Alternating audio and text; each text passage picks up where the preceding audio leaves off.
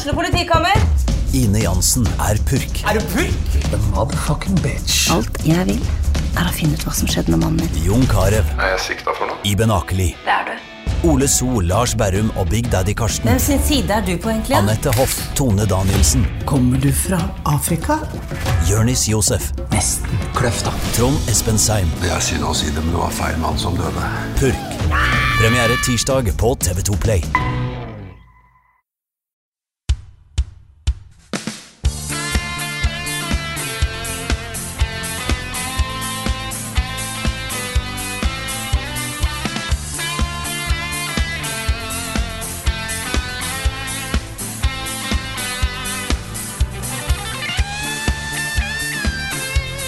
Og nå er det bare seks kalenderluker igjen å åpne før det faktisk er julaften. Velkommen til den siste ordinære episoden av podkasten Level Backup med meg, Frida Danmo, og med meg har jeg Karl Martin Hogsnes og Rune Fjell Olsen. Hallo, folkens. Hallo, ho, Hei. ho. Den, den siste, den siste Ja. ordinære episoden For- i 2020. Ja, jeg glemte å si det, og tenkte jeg skulle kommentere det med en gang, i tilfelle en av dere ikke tok meg på det, men det gjorde dere. Det er bare dere følger er- med og er våkne. Det er lett å gjøre den feilen, fordi 2020, det er ikke sikkert 2020 noen gang stopper. Nei, det føles litt sånn, altså. Mm. Og så i tillegg, da. Seks dager er altfor få dager. altfor få dager til jul. Det er det. Åh, Jesus. Men apropos, da. Uh, Jeg måtte en tur til byen, en litt sånn nødtur til byen i går.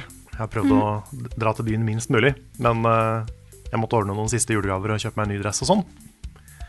Og, eh, og da gikk jeg jo forbi dette mytiske julemarkedet. ja. Og det fins i år òg, for jeg var sikker på at det var, eh, at det var kansellert. ja, men jeg har sett det med mine egne øyne, jeg også. Det var derfor jeg sa det finnes, Karl. Ja, ja fordi jeg, jeg var jo sikker på at ikke det var der, men, mm. men det var der. Og jeg syns faktisk, fordi jeg måtte jo innom, fordi det var jo altså Mitt beste minne fra i fjor var å kjøpe churros, Ja. Uh, men det, det fikk jeg ikke gjort i går. Men det, vi hadde liksom, de hadde grøt.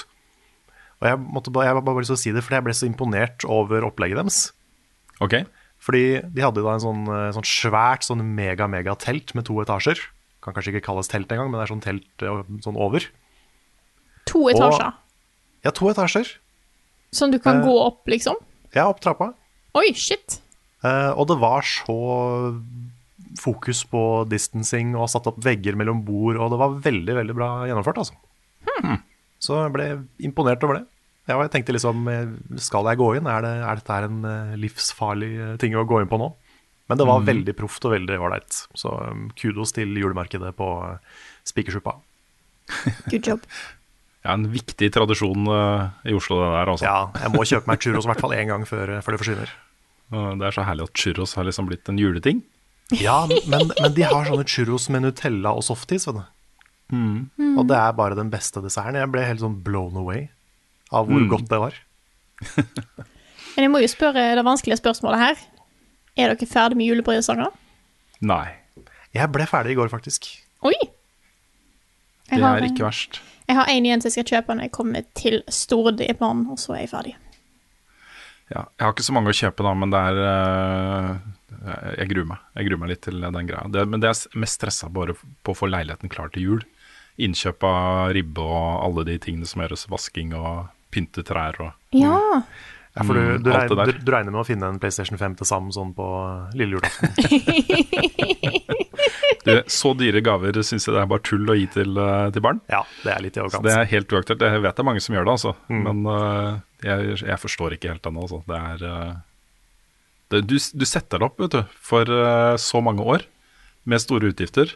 Ja, det gjør så det. hvis, du først, hvis du først begynner å gi liksom spillkonsoller og dyre TV-er og, Mm. og sånn til jul, så må du jo gjøre det neste jul også.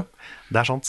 Det er ett år jeg fikk en spillkonsoll til jul, og det var fordi fetteren min skulle få. Og da tenkte liksom Ja. mamma og pappa at ja, men da kan jo ikke jeg ikke få. Nei. Så det var en uh, fordelen av at fetteren min fikk dyre gaver.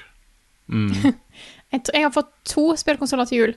Uh, eller når jeg sier jeg, jeg har fått én spillkonsoll til jul. Den første det var en GameCube. Den fikk familien. Så den var kjøpt inn til hele familien, og ikke bare til meg.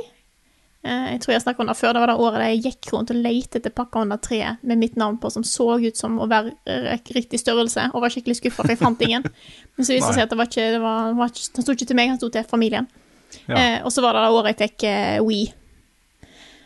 da var- det stor suksess. Men ellers har jeg ikke Nice. fått eh, Ellers Jeg har kjøpt alt sjøl, egentlig. Ja, her. Jeg tror det er bare PlayStation 2 jeg fikk i julegave.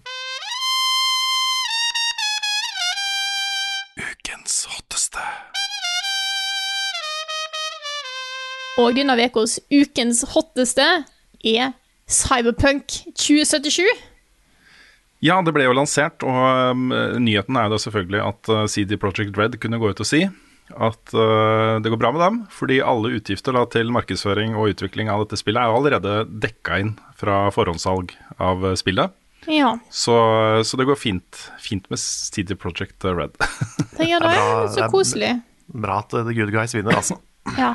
ja, ikke sant. Nei, også Saken er jo selvfølgelig det at uh, jeg og Jon Cato uh, spilte jo uh, Cyberpunk 2077 på PC og hadde det dødsfett. Det var en kjempekul opplevelse. En, en av mine favorittspillopplevelser i år. Unnskyld. Og så viser det seg da at uh, versjonene til PlayStation 4 og Xbox One er litt igjen altså. Det er et stykke unna PC-versjonen, uh, for å si det sånn. Den, er, uh, den burde ikke vært utgitt, vil jeg si, da, ut fra det jeg har sett. Nei, jeg har, sett, ja. uh, jeg har sett den der videoen til Digital Foundry der.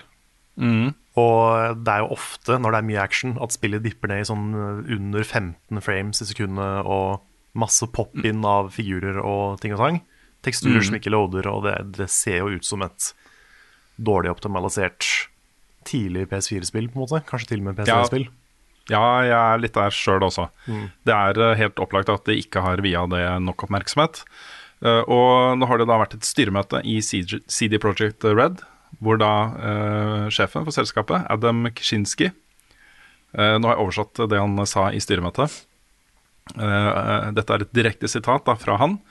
Etter tre utsettelser var vi i ledelsen for fokusert på å lansere spillet. Vi undervurderte skalaen og kompleksiteten på problemene. Vi ignorerte signalene om behov for mer tid til å finpusse spillet på forrige generasjons konsoller. Det var en feil fremgangsmåte, og det gikk mot vår forretningsfilosofi. På toppen av dette, under kampanjen, vist, altså da markedsføringskampanjen og sende ut review-kopier og sånne ting, viste vi for det meste spillet på PC. Det førte til at vi mistet spilleres tillit og det ryktet vi har bygget opp gjennom en stor del av livene våre.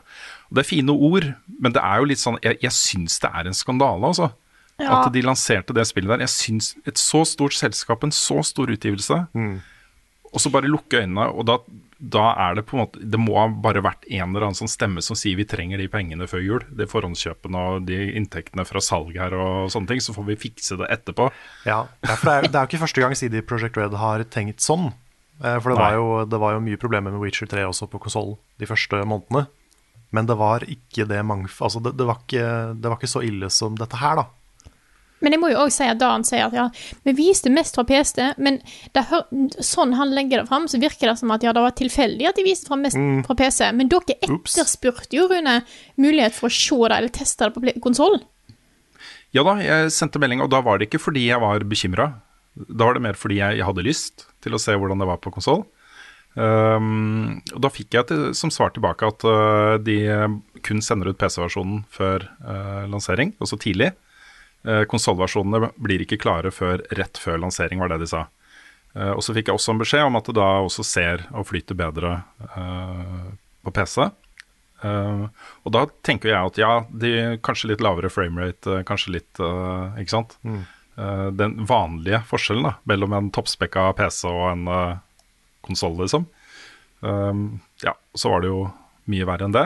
Ja. Um, jeg har et sitat til fra dette styremøtet. Det er da fra en av uh, grunnleggerne. Og um, uh, han er joint CEO, altså daglig leder også. Han heter Marcin Iwinski. Og han sier da Vi oppdaterte spillet på forrige generasjons konsoller helt til siste minutt. Og vi trodde vi skulle klare det i tide. Uheldigvis resulterte det eh, i at anmeldere fikk eh, det bare én dag før lansering, og det var definitivt for sent. Vi ga ikke medier mulighet til å anmelde det skikkelig. Det var ikke med vilje, vi fikset bare på spillet helt til siste øyeblikk. Det kan jo hende da at de har hatt et håp, et sånn der halmstrå som de har klamra seg til, om at på et eller annet magisk vis så skulle liksom den oppdateringen av spillet som fiksa de verste problemene, bare komme før lansering. Det kan jo hende. Det kan hende. Jeg skal ikke utelukke det. Altså Ut fra det lille jeg vet om spillutvikling, så er det jo ofte sånn at de problemene eh, som blir skandaler som dette her, de starter jo med at eh, det, det er en del murring på gulvet. De som sitter og faktisk jobber med det spillet her, og bare Dette her kommer ikke til å gå, vi kommer ikke til å klare dette her til launch, det kommer til å bli en ræva port osv. Men de beskjedene nekter da de på toppen å høre på, eller får det ikke med seg, eller bare De, de skjønner ikke alvoret. Og det virker som det er det som har skjedd her. Ja, han sa at han ignorer, de ignorerte den beskjedene som kom. Ja da. Nei, det har jo kommet fram nå eh, gjennom da tre utsettelser og eh, masse sånne eh, lekkasjer om eh, crunch-tilstander eh, og dårlig behandling av ledelsen og bonuser knytta til anmeldelser på Metacritic eh, og sånne ting da, gjennom det siste året. Og Forrige gang vi snakka om akkurat de tingene, eller i hvert fall en av de gangene vi snakka om disse tingene, så snakka vi litt om at det virker som om det er har blitt et gap. da, en, en, Et liten sånn kløft mellom toppledelsen og de som sitter og lager uh, Faktisk sitter og utvikler spillet. Ja, når, når du sier bonuser, det er da til utviklerne basert på hvor bra spillet gjør det på Metacritic? Ja, og i tillegg så har de har, vel jo, har disse mellom... Den har de vel gått tilbake igjen på, tror jeg. De gått tilbake på den, og en annen bonusordning har gått tilbake på. Det her er, høres jo bare helt crazy ut. Uh, det har jo da vært sånne mellomledere, avdelingsledere, som har gått og delt ut sånne tokens til ansatte som har gjort det spesielt godt. da.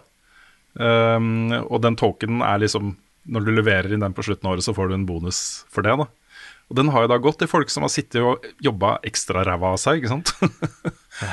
som uh, De har bidratt, ikke sant. De har uh, stått på for uh, selskapet og lululu. Så det har de også gått bort ifra, da. Um, så det det skjer jo ting her. De er jo, de er jo ikke uvillige til å lytte til, uh, til de som jobber der, og til kritikk, virker det som. Det virker jo som de tar det inn over seg. Um, så håper jeg bare ikke kløfta har blitt for stor, da. Fordi dette er jo et selskap mange ser opp til, og mange liker. Uh, mange har kost seg med spillene deres. De har laget uh, toneangivende spill. uh, som jo også, jeg mener Cyberprank 2077 vil ende opp med å bli uh, etter hvert. Så, det, så det er liksom Alt håp er ikke ute da. Nå skal de jo da patche konsollversjonen. Først nå en patch som kommer før jul, som er ganske stor. Og så en eh, kjempestor en i januar og en kjempestor en i februar. Så hvis du eh, da eh, sitter med dette spillet og har lyst til å spille det, så innen utgangen av februar, så sier de da at det skal være på det nivået de mener det bør være på. Så, så er jo dette her symptomer på spillbransjen generelt. Det er jo ikke bare CD Project Red som kunne opplevd dette her. Det er jo, vi har Neida. sett det med Bethesda, vi har sett det med, med BioWare, diverse. Og En ting som er litt viktig å huske på, for jeg ser mange hadde en sånn nesten sånn religiøs tro på det spillet her. At det skulle, være, det skulle redde 2020, og det skulle være det største og beste og mest revolusjonerende som noen gang har kommet. En ting som er litt viktig å huske på, det er det at store selskaper er på en måte ikke vennene våre. Nei. Nei. Det, det, det er folk som tjener penger, og det er altså, det, Ikke det at det ikke er masse kjempebra folk som jobber med spill, det er det, men, men det er viktig å på en måte ikke, ikke få et sånt usunt parasosialt, for å bruke et sånt fint eh, ord, eh, forhold til da, et, sånne selskaper.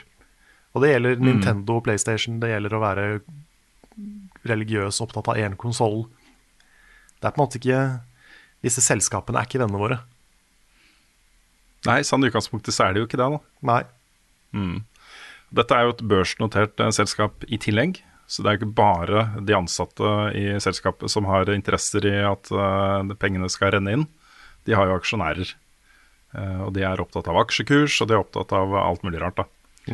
Så mm, ja, saken er i hvert fall noe uansett sånn at de har gått ut og sagt at alle som vil ha eh, pengene tilbake, skal få det. Og nå har da det, det, det de sa, var at først gå der du har kjøpt det, og spør om å få pengene tilbake. Hvis ikke du uh, får det, så send oss en mail, og den e-postadressen er helpmerefund i ett ord at cdproject med k red.com. Eh, innen 21.12. så må du sende en e-post, og så skal de hjelpe deg med, uh, med det. Eh, nå vet jeg at Sony har vel sagt nei. Ja, Du får ikke pengene dine tilbake. PlayStation ga ikke refunds. Nei, de sa vent på patchene. så um, ja. Jeg er jo fortsatt litt usikker da, på hvor nærme PS4 og Xbox One-versjonen vil komme eh, PC. og eh, PlayStation 5 og Series X og S. Um, det er jo OK spillbart på PlayStation 5 og Series X og S akkurat nå. Eh, og der vil jo da også komme en sånn next gen-patch eh, i 2021 som løfter det da enda nærmere PC-versjonen igjen. Men uh, akkurat nå så mener jeg at kanskje PC-versjonen er den eneste som jeg virkelig kan gå ut og anbefale. da. Og den anbefaler jeg virkelig, altså. Jeg digga det spillet. Jeg syns det var kjempebra. Så um, får du vurdere da om du vil uh, vente på en ny neste generasjons versjon, få pengene tilbake, eller om du skal vente på patchene. Det er jo ikke noe tvil om at det er flere spillere som har en PlayStation 4 og Xbox One enn det er PlayStation 5 og nye Xboxene. Så det kan hende at eh, Ja, jeg vet ikke. Det får være opp til hver enkelt. Ja, jeg vil tippe kanskje sånn, sånn som Witcher 3 kjører på Switch, er vel kanskje sånn Cyberpunk vil ende opp med å kjøre på PS4, Xbox One. Kan tenkes.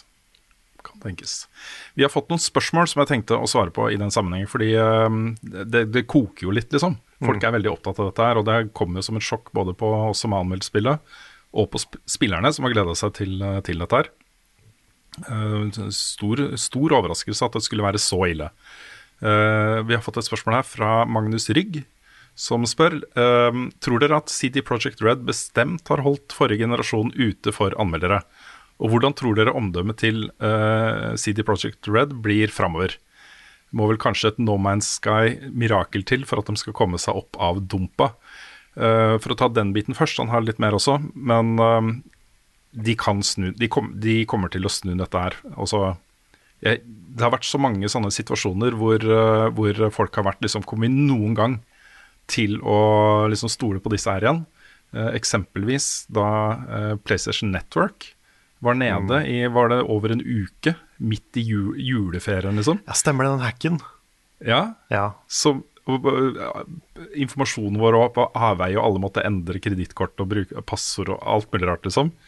Det var mange som sa akkurat det samme. Altså at de ikke skulle eh, være med der lenger. Så, så lenge de fikser det, og så lenge de gjør det på en ryddig og god måte, så eh, Så tror jeg de kan snu det. Jeg, jeg, jeg eh, anser fortsatt dette selskapet til, som å være et av verdens beste på det de gjør. Og så lenge de fikser det, så tror jeg de kan klare å snu det litt, i hvert fall. Det er liksom, man- det er så lett å bare tenke at dette går ikke over når man står midt i det. Men uh, det gjør ofte det også.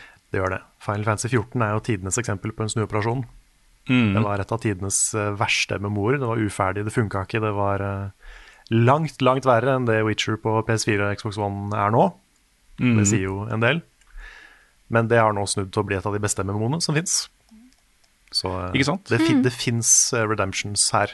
Men det, det kommer jo an på hvor mye tid og ressurser de faktisk bruker da, på å fikse de last gen-versjonene.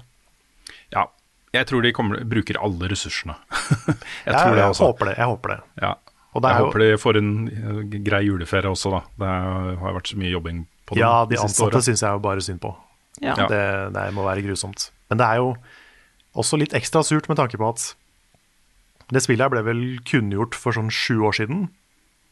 Noe sånt. Og da var det jo Det var jo starten på den generasjonen PS4 Xbox One. Så det kan jo sikkert ha vært mange som har kjøpt de konsollene eh, i håp om å en dag kunne spille Cyberpunk, ikke sant? Og så får de den versjonen her, så det er jo litt ekstra surt med tanke på det også. Ja.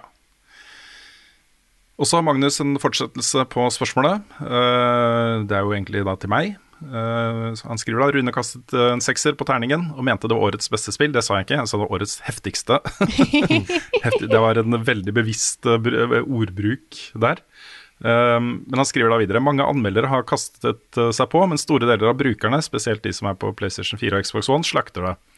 Her virker det også som at det er fortjent, da potensialet ligger der, men spillet føles ut som det var i beta. Som anmelder, føler du en viss stolthet til jobben din og din indirekte anbefaling til løp og kjøp. Altså, Jeg syns jo dette er ubehagelig. Jeg syns det er ubehagelig at ikke jeg i min anmeldelse kunne påpeke disse tingene her. Eh, det er Jeg føler meg litt brukt av, uh, av hypemaskineriet til eh, CD Project her. Eh, de- har jo brukt anmelderne til å skape den hypen. Fordi PC-versjonen er kjempebra.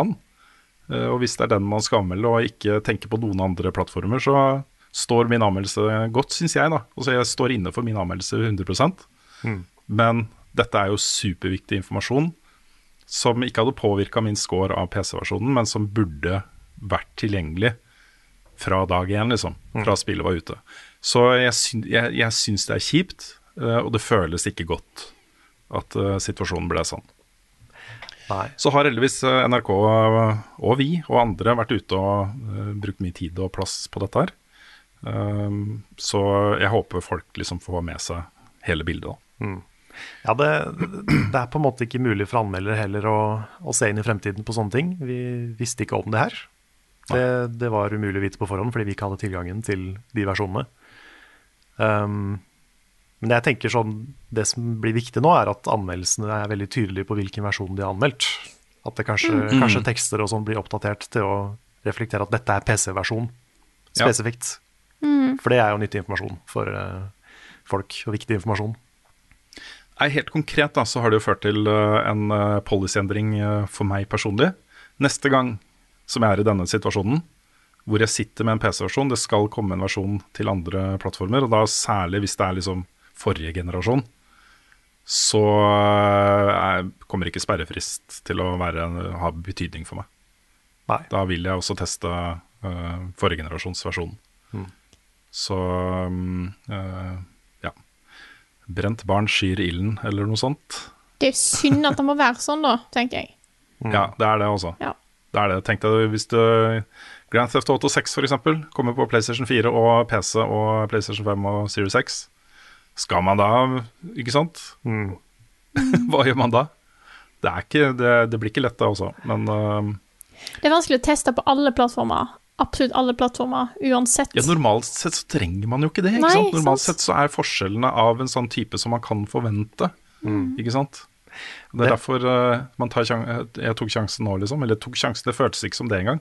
Nei, det føltes jo som helt normalt. Ja, så CD Projekt Red er jo, de er jo kjent for å lage bra ports og bra spill, så det er sånn vanskelig å se det komme.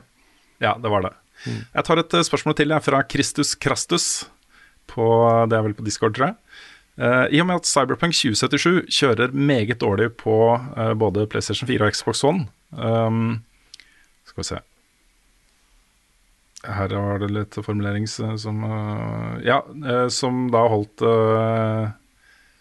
Ja, at de holdt PlayStation 4 og Xbox One-versjonene tilbake. Jeg er ikke helt sikker på hva han mener der. Eh, men det han skriver da Både Microsoft og Sony jobber med cross-gen-spill som Halo Infinite, Horizon Forbidden West og God of War Ragnarok. eh, Parentes, om en PS4-versjon. Jeg mener at Xbox One-versjonen av Halo Infinite og PlayStation 4-versjonene av Horizon og God of War bør kanselleres til fordel for de nye konsollene. Eh, da mener han da PlayStation 5 og Series S og X. Det er bedre med ingen dårlig opplevelse enn dårlig opplevelse. Hva tenker dere? Dette er jo noe folk snakker mye om på nett. Ja, det er det. Ja. Og jeg er enig i det, den siste setningen, at eh, det er bedre å ikke gi det ut enn å gi ut en ræva versjon. Eh, men dette her handler også mye om optimalisering. Og du kan optimalisere nye, moderne spill til gamle konsoller hvis du gjør det på en eh, gjennomført måte. Ja. Jeg skjønner jo at de, det handler mye om det. jeg skjønner jo at de vil ha det ut til eh, PlayStation 4 og Xbox One, for det er gigantiske marked der. Mm. Det er veldig, veldig mange som har forrige generasjons konsoller, som ikke har Mm. skaffa seg nye ennå. Så eh, jeg, jeg skjønner salgsverdien av det. Ja, altså, det, det er jo, hvis du ser på God of War og uh, The Last of Us Part 2 uh, Hvis det kommer til å fortsatt komme ut spill som ser sånn ut på, på den plattformen, da, på PlayStation 4, så er jo det Altså, ja takk. Det er jo mange som syns det holder i massevis eh, en god stund framover. og så vil det da være muligheter for enda bedre grafikk på, på mm, eh, PlayStation 5 og Series S og X. Ja, for du, du skal ikke se bort fra at uh, God of War 2, da, eller God of War Ragnarok, kommer til å kjøre i 30 frames, 1080p, og se ut som God of War 1 på PS4. Det er jo liksom det optimale. Og så får du da ja, bedre framerates, bedre oppløsning, eh, sikkert mer particle effects og litt raytracing og sånn, kanskje, eh, på PS5. Det er jo sånn det burde funke. Ja, Det de mener da med kritikken, og det poenget, er jo at, øh, at øh, det at de utvikler det for en tidligere generasjon også, holder de tilbake At ikke de putter inn alt det de kan putte inn i spillet, sånn i utgangspunktet. Mm. jeg, jeg tror ikke det kommer til å bli noe stort problem. Også. Jeg tror det bare blir et problem hvis da forrige generasjonsversjonen ikke blir behandla eh, godt nok. Ja. Ja. Ja, for, for det, det er noe med det at uh, Bare tenk på PC-er, liksom. Hvor mange forskjellige maskiner man skal optimalisere PC-spill for. Og det er ikke sånn at PC-spill blir dårligere fordi noen har dårlig PC. Nei, det er jo ikke det. Så um, det er et optimaliseringsspørsmål 100% Og nå er jo disse plattformene også ligner jo på PC i arkitektur. Så det å på en måte utvikle for eh, flere konfigurasjoner hardware-konfigurasjoner tror jeg er lettere nå enn når man satt på mer sånn proprietær eh, hardware. da. Men vi ser jo forskjellen da på hvor bra ting kjører på PS4 Pro kontra vanlig PS4. Og det gjør at jeg er litt mer usikker på om eh, jeg har lyst på en Switch Pro. ja. Fordi, hvis, fordi med 3DS-en, den nye 3DS-en som kom, så var jo, det var jo en case hvor det kom spill som kjørte mye, mye mye bedre på det nye, og nesten ikke funka i det hele tatt på den gamle. ja. Det kan ende opp med å bli en sånn situasjon på Switch, og det hadde vært ganske kjipt. Ja.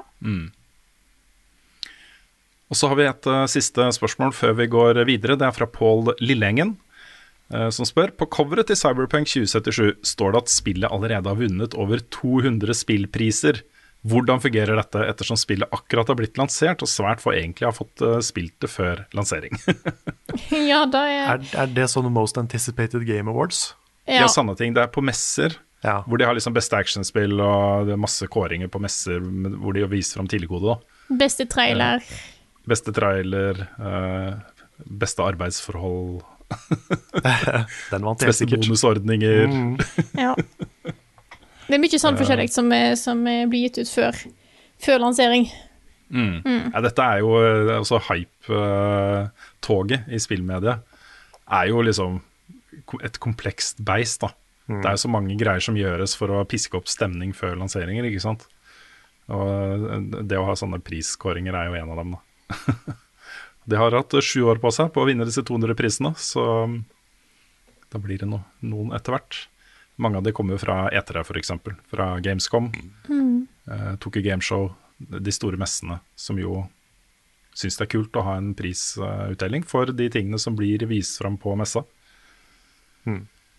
Så, så sånn er det. Nei, jeg får bare um, beklage til de som har en PlayStation 4 og løp og kjøpte Cyberpunk 2077 basert på min anmeldelse. Jeg vet ikke om det er så mange som har gjort det, men uh, det, det gjør litt vondt, altså. Jeg syns hele den saken her er litt sånn kjip. Det er ikke noe gøy at det blir sånn. Jeg hadde jo eh, for det første håpa at alle som spiller spillet, skulle få en opplevelse tilnærma den jeg hadde. Uh, og for det andre da at, at eh, det ikke var så stor forskjell mellom uh, plattformene. For det er Ja, det er å lure spillerne, altså. Det er å uh, Særlig når du har disse forhåndskjøpsordningene og sånne ting, hvor folk allerede har betalt for spillet. Og det har mange millioner mennesker gjort, ikke sant. Ja. Og så leverer de ikke det som eh, Det eneste de har sett, er jo trailer fra PC-versjonen. ikke sant? Det ser jo amazing ut. Så um, det er jo ikke det samme spillet som de da fikk på PlayStation 4 og Xbox One. Så um, nå bare håper jeg dette her blir ordna opp i, rett og slett.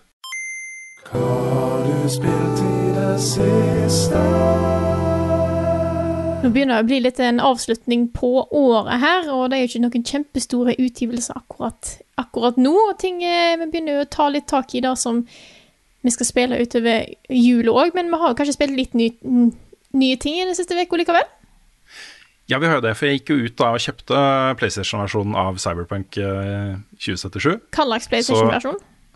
Ja, det, det er bare én versjon som Ah, heter ja, ja. Sånn er det. Ja, Ja. eh, Du kan spille PlayStation 4-versjonen på PlayStation 5, så det har jeg gjort. da Jeg testa det på PlayStation 5, for det var egentlig det spørsmålet jeg fikk oftest.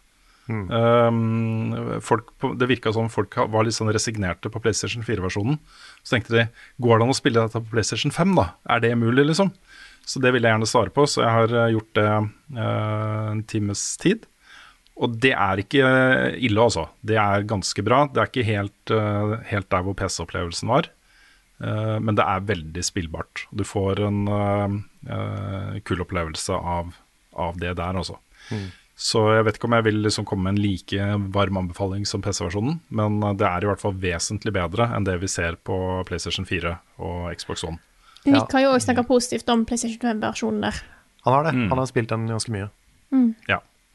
Så, så jeg ville bare nevne det. Og så vil jeg også nevne at uh, det norske spillet Embracelet nå har kommet på iPhone. Og det har jeg spilt, og er, det er en kjempegod versjon av det spillet. Det er uh, veldig, veldig, veldig spillbart. Uh, og det er jo et spill hvor det ikke foregår masse sånne Twitch-ting. Det er mer sånn derre uh, gå rundt og løse oppgaver og snakke med folk og, og sånt, så det er ikke så veldig komplisert. Uh, men det er en veldig, veldig god historie og et uh, veldig sånn stemningsfullt uh, spill. Så vil jeg også bare uh, tipse folk om at det default der er engelsk, engelsk uh, tekst. Uh, men du kan sette på norsk. Så jeg, jeg starta på engelsk og var sånn Ja, er det ikke norsk? Og så gikk jeg i menyen, og så jo, det var på norsk. Det er så mye bedre på norsk det der også, for de snakker med dialekt og sånn. ikke sant? Sånn nordnorske dialekter og i tekst, da. Det er skrevet som Åh. på dialekt. Men tenk så kult hvis de hadde oversatt det. At det liksom hadde lagt da norske dialekter til engelske dialekter, f.eks. Det Ja, Oi. hadde vært litt interessant. Det hadde vært jobb. litt interessant. Ja, sånn kanskje nordlending blir sånn Northern English. Kunne vært litt kult. Ja, kanskje de snakker liksom eh, skotsk, eller eh, Ja, kanskje Sørlandet blir liksom country. Nei, From the south. Ja. Mm.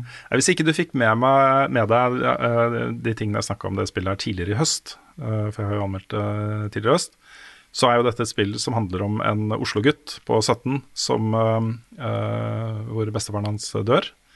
Og eh, han arver da et eh, magisk armbånd. Som eh, Jeg skal ikke avsløre så mye hva du kan gjøre med den, men det handler om at du kan gjøre, fikse ting, da. Ordne ting liksom med den. Eh, og en, et sterkt ønske da fra bestefaren hans om å reise til hjemøya hans i Nord-Norge for å gjøre noe for han. Så han reiser dit, da. Og det er, eh, det er veldig sånn, sånn Distrikts-Norge-feel over det. At man, eh, man på en måte hyller litt, da. Den, det å bo på et lite tettsted, vokse opp der, naturopplevelser, disse tingene. Eh, og også den derre dragningen mot byen og fra, blant ungdommene der. Og det, er, det er mye, mye veldig, veldig, veldig fint i det spillet her. Så det anbefales. Og så må jeg bare nevne også at jeg ble jo tungt inspirert av Jon Cato i Troll og Loll-spalten nå i siste spilluka, så jeg har da begynt på Assassin's Creed Valhalla igjen. Ja, Eh, Det, skal bli, det blir mitt julespill. ja, du tenker på den, eh, den varme hyllesten han ga til det spillet i forrige ja, hvor jeg Ja. snakka om at alle anmeldere tar fullstendig rett. Dette er kjempebra og Ja. fortjener gode anmeldelser. Jeg mener fortsatt at dette er et utrolig underholdende spill. da Jeg Ja. koser meg skikkelig mye med å starte på nytt, for jeg har savna å gå tilbake. Jeg måtte jo forlate det for å gå videre til nye spill. Mm. Jeg, jeg kunne ikke fortsette. Jeg hadde spilt i 50 timer og hadde anmeldt, og jeg måtte bare videre. ikke sant? Nei, jeg, jeg også står for min score der, altså. Det, um, det, for de som ikke har sett den, så er det jo Det handler jo om at uh, Jon Cato snakker om dette med at det at det bare er tids... Um, tidsrøyte, eller altså tidsfordriv, um, ikke burde være nok til å på en måte gi et spill en høy score, da. Men jeg føler, og jeg tror vi føler litt begge to, at Assassin's Creed er en del mer enn bare tidsfordriv. Ja da. Så vi jeg- er, vi er jo enige i poenget, men litt uenige i spillet, kanskje. Ja.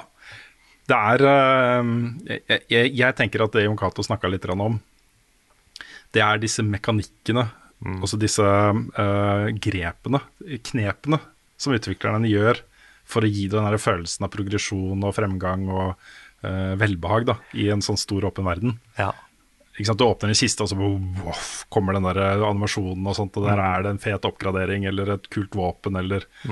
Ikke sant? Den er der hele tiden. ikke sant? Ja. Blir fora med sånne greier hele tiden. Ja, fordi for meg, da Det blir en liten avsporing, men jeg, eh, jeg liker spillet på tross av de tinga, og ikke av det. Ja. Fordi jeg er ikke så veldig glad i open world. Altså Sånne typiske 100 000 ikoner på kartet open world, sånn som Assassin's Mm. Creed ofte er. Det har jeg fått litt avsmak for, men jeg syns spillet veide opp for det, da. Mm. For meg. Jeg syns historien er spennende, og så har den eh, mange veldig veldig gode sånne sideoppdrag som er bare morsomme, sånne der, eh, adskilte greier. Som jeg kan se tilbake på. Sånn Smack My Bishop, eksempel, er jo amazing. Ja. Det er kjempebra. Og så var det sånt oppdrag hvor det plutselig er midt inne i Ole Brumm og Alice i Eventyrland, og det er masse sånne greier. Det Ole Brumm-oppdraget er kjempemorsomt. Ikke sant? Og Og også er, den uh, One Punch Man er kjempebra. ja, den har jeg ikke sett ennå. The Wallop. Ja, den tror jeg ikke jeg har sett ennå. Åh, den er bra. Han som hadde øks i panna. Ja. Det er også så mange sånne ting da som jeg syns er liksom uh, gøy å oppleve. Eh, så eh, jeg koser meg voldsomt med det spillet. Det kommer til å komme på min topp 10-liste for eh, 2020. Så det, her blir en koselig jul, altså. Bare komme meg gjennom. Helt gjennom. Det blir, jeg gleder meg til. Yes, Det var meg. jeg, eh, jeg kan ta over. Den eh, siste uka har jo egentlig mest gått til å få lagd den eh, Hyrule Warriors Age of Calamity-anmeldelsen min. Den ble veldig fin, Frida. Tusen takk. Det var, eh, det var mange ideer jeg hadde, og noen av de klarte å bli med helt til slutt. Men Eh. tegna du, den du den Selda-logoen på tavla sjøl? Ja. For den var veldig fin. Jeg, jeg tenkte liksom, Er dette her tegna med kritt fordi den er dritfin, eller er det liksom at du har photoshoppa det på, og så For det var, jeg ble imponert.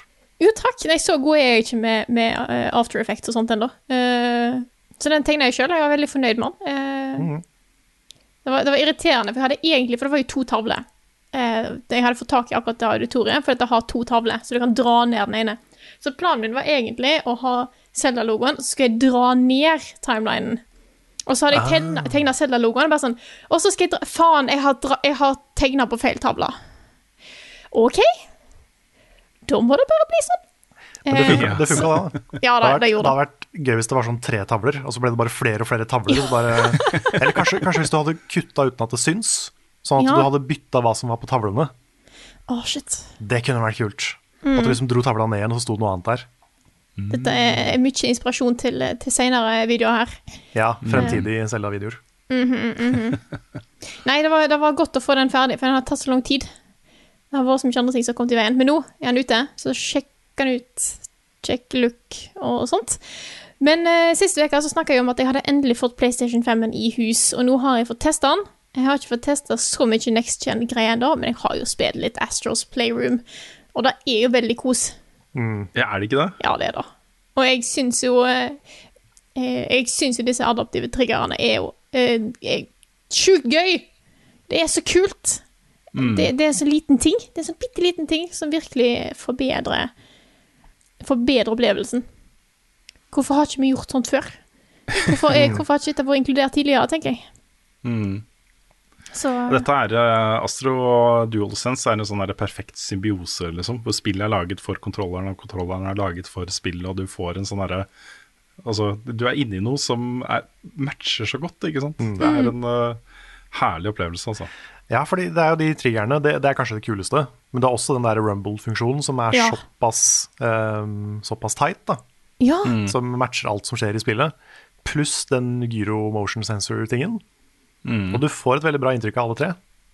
ja. Og så syns jeg de, de, de bruker i det spillet høyttaleren veldig bra. Ja. i kontrolleren. Jeg syns det gir liksom en ekstra ting. Jeg måtte skru ned volumet litt, for jeg syns at han ble litt overdøvende.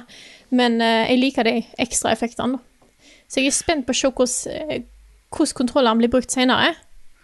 Ja, så jeg har jo Jeg har ikke opplevd eh, at de har vært så godt integrert i noen andre spill på PlayStation 5 ennå, eh, som det er i Astros Playroom. Men den har blitt brukt på noen måter som jeg syns er liksom genuint nyvinninger. da.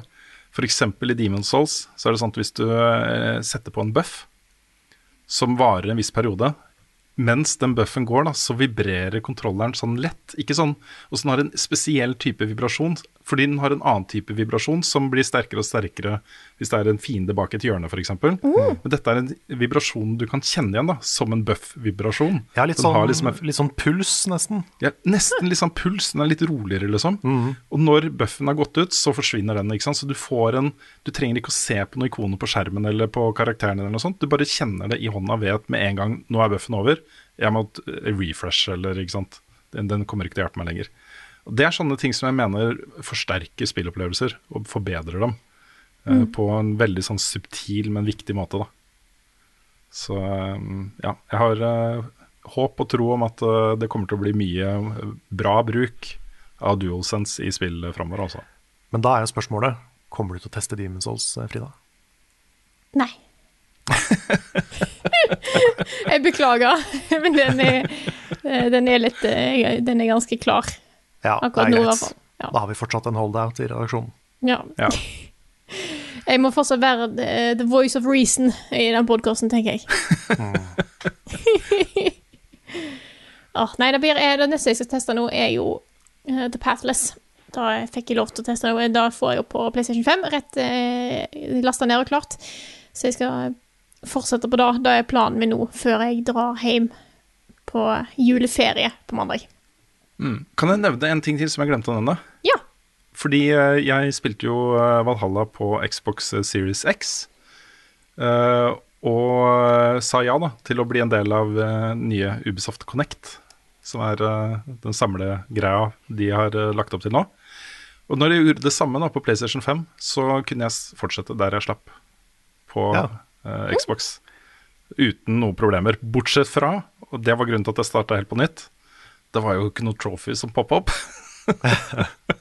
Ingen. Ingen trophies. Jeg vet ikke om det er sånn at det plutselig bare popper opp i det øyeblikket jeg får en som er relatert til det. Jeg vet ikke, jeg også. Det kan eh, hende. Ja. For det, da ville det jo vært sånn hvis Fordi det er masse trophies du får i starten. Mm. eh, at du har gjort en eller annen greie, liksom. Tatt det første raid i England, f.eks. Um, og hvis uh, du allerede har gjort det på en måte og ikke har fått trophyen, så kanskje jeg aldri får den, ikke sant? Og Det da har du vært krise. Ja, Men, det, ja. men det var ikke sånn at du fikk, du fikk blue screen fram til du aksepterte terms and conditions. Nei, det var ikke det. Det var ikke det. Det er da en referanse til en, uh, en opplevelse med monopol på stream, til de som ikke catcha den. Det hardkrasja hvis ikke vi gikk inn på internett og aksepterte terms and conditions hos Ubisoft. Det var kjempegøy. Fantastisk. Nei, men da gir jeg ordet videre til deg, Karl. Ja, jeg har jo spilt litt forskjellig. Jeg kan jo begynne med det mest nyhetsaktuelle først. Jeg har endelig også, i, sånn som Rune, fått Platinum i Demon's Souls. Yeah. Nice. Så det var gøy. Jeg har uh, spilt gjennom en god del optional-tinga i Hyrule Warriors. Jeg har uh, Det var en ting til jeg skulle si, men jeg kan uh, skippe det for now. Ja, men Fordi- først kan jeg, før vi setter i gang her, Syns du at du fikk nok jubel for Platinum i Demon's Souls? For da vet jeg du kommenterte på Rune at vi ikke ga deg nok creds for Platinum i Demon's han Souls. gjorde det. Ja, fordi tingen er at nå er jeg nummer to. Det er, det har, du kan ikke feire det, vet du. Nei, jeg, kan ikke feire, jeg kan ikke feire at Rune var først. Nei. Nei, Så da, da la jeg den passere. nå er det greit. Men det var, det var gøy å få platinum, da. Det, var, eh, Ja, det føles godt. det gjør det. Nå er jeg Hva platinum var i det litt sånn Var det den siste Ja. Hva er den siste trofeen du mangla? Hva er den aller siste du jobba Jeg tror det var All Magic. Ja, det er den hvor du får alternativet i slutten, er det det? Nei, Nei, det er nei det det er fordi du må spille gjennom Er det ikke to og en halv gang for å få all magien? Ja, eller du kan bruke sånn save scumming, da. Ja, jeg gjorde ikke det. Jeg endte opp med ikke å gjøre det. Ja. Men, eh, men ja, det var det siste. Men um, her om dagen så merka jeg at jeg, liksom, jeg følte meg litt sånn slapp og litt sånn stakkarslig. Fordi ehm, jeg var liksom, jeg satt der med koronahockeysveis og noen ekstra koronakilo og litt sånn. Og bare dette er litt stusslig. Så jeg gikk og klippte meg, og jeg tok fram Ringfit Adventure igjen. Ai, ai, ai, ai, ai. Så nå skal jeg prøve igjen. Jeg vet at jeg har sagt det mange ganger, men, eh, men nå skal jeg gi det et ærlig forsøk sånn uh, framover. Det er Så jeg at støl, jeg støl i beina. Ja. Hva skal du si, Ja, det, det er litt festlig at du tar det opp, for jeg har faktisk tenkt litt på Ringfit uh, Adventure. Jeg tenkte hm, skal jeg kjøpe meg det sjøl snart? Kanskje jeg skulle høre med Carl om hvordan det, Mm. uh, hvordan det går. Og nå har jeg fått en oppdatering, Ikke sant? så ja. Fordi det er veldig bra. Det er jo ikke et kjempemorsomt spill. Det er på en måte Hvis det ikke hadde vært eh, trening i det, så hadde jeg nok spilt noe annet, liksom. Men, uh, men det er helt serviceable, liksom. Det er eh, morsomme mechanics, og det er uh, akkurat nok motivasjon til å faktisk bevege seg litt. Pluss at du blir, jo du blir jo sliten sånn ordentlig. Jeg hadde jo uh, Jeg sjekka, Du kan sjekke pulsen din etter hver, eh, hver level. Mhm. Og jeg hadde en puls på sånn nærma seg 170, og det er der man skal ligge på min alder, tror jeg. Så det, mm, det er jo en skikkelig workout. Mm. Så det er kjempebra. Men det aller siste jeg har spilt, det er at jeg har spilt gjennom hele det japanske spillet fra ti år siden. Jeg har tatt en liten pause fra Next Gen og spilt det ti år gamle Danganronpa. OK. Hva er det, hva er det spillet? Fordi jeg har jo sett en del på det, Ja, men jeg aner ikke hva det er. Nei, for jeg også, jeg også var sånn, fordi Audun, Gamer-Audun, hadde anbefalt det veldig. Og jeg har også sett Game Grumps begynte å spille det. Og de, de bruker jo lang tid på det, ikke sant? for de skal voice hver line, og så har de bare en halvtimes episoder. Så jeg blir sånn, ja, men hva, hva kommer til å skje? Jeg må vite hva som skjer, så jeg måtte spille det sjøl. Ja. Um, og har nå spilt gjennom det. Begynt på Danganronpa 2. Ja, Um, Danganronpa 3 kom nå nettopp, gjorde det ikke det?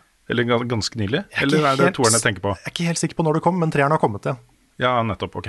Ok, Jeg har googla dette, og jeg ser det anime og en bamse som er hvit og svart. Eh, Ja. hva er gameplay her? Nei, dette er Se for deg Ace Attorney, Phoenix Wright, møter Persona, Oh. møter Saw, møter Hunger Games slash Battle Royale-filmene. Nydelig kombo. Ja, det er en ganske spennende kombo, for dette er da uh, en haug med high school students, selvfølgelig, for de fleste japanske spill handler om high school students, som uh, blir fanga inne på en skole. De tror de skal på en sånn prestisjeskole for de flinkeste elevene i verden.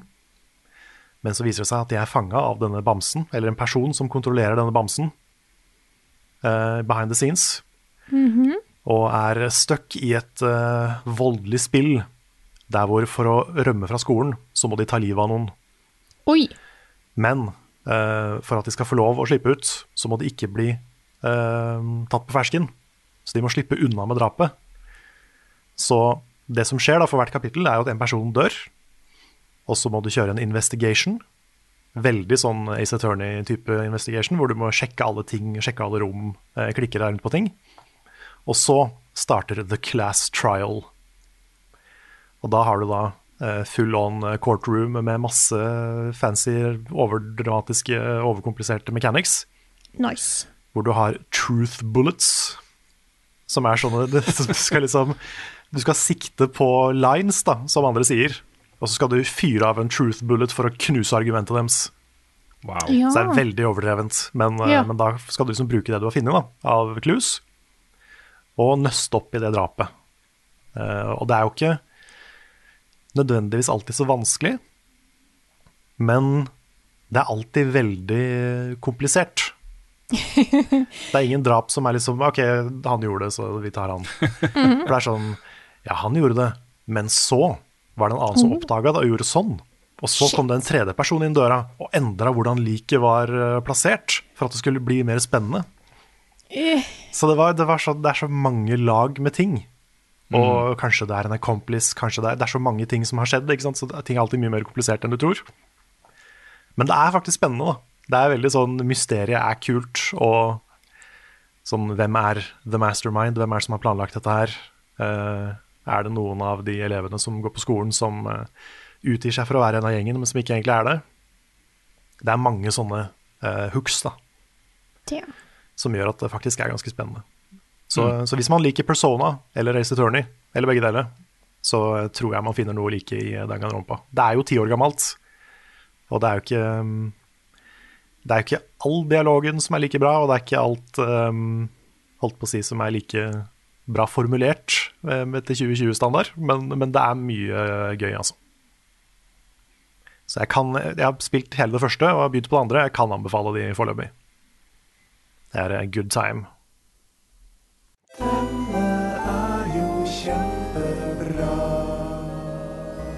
Ukens anbefaling.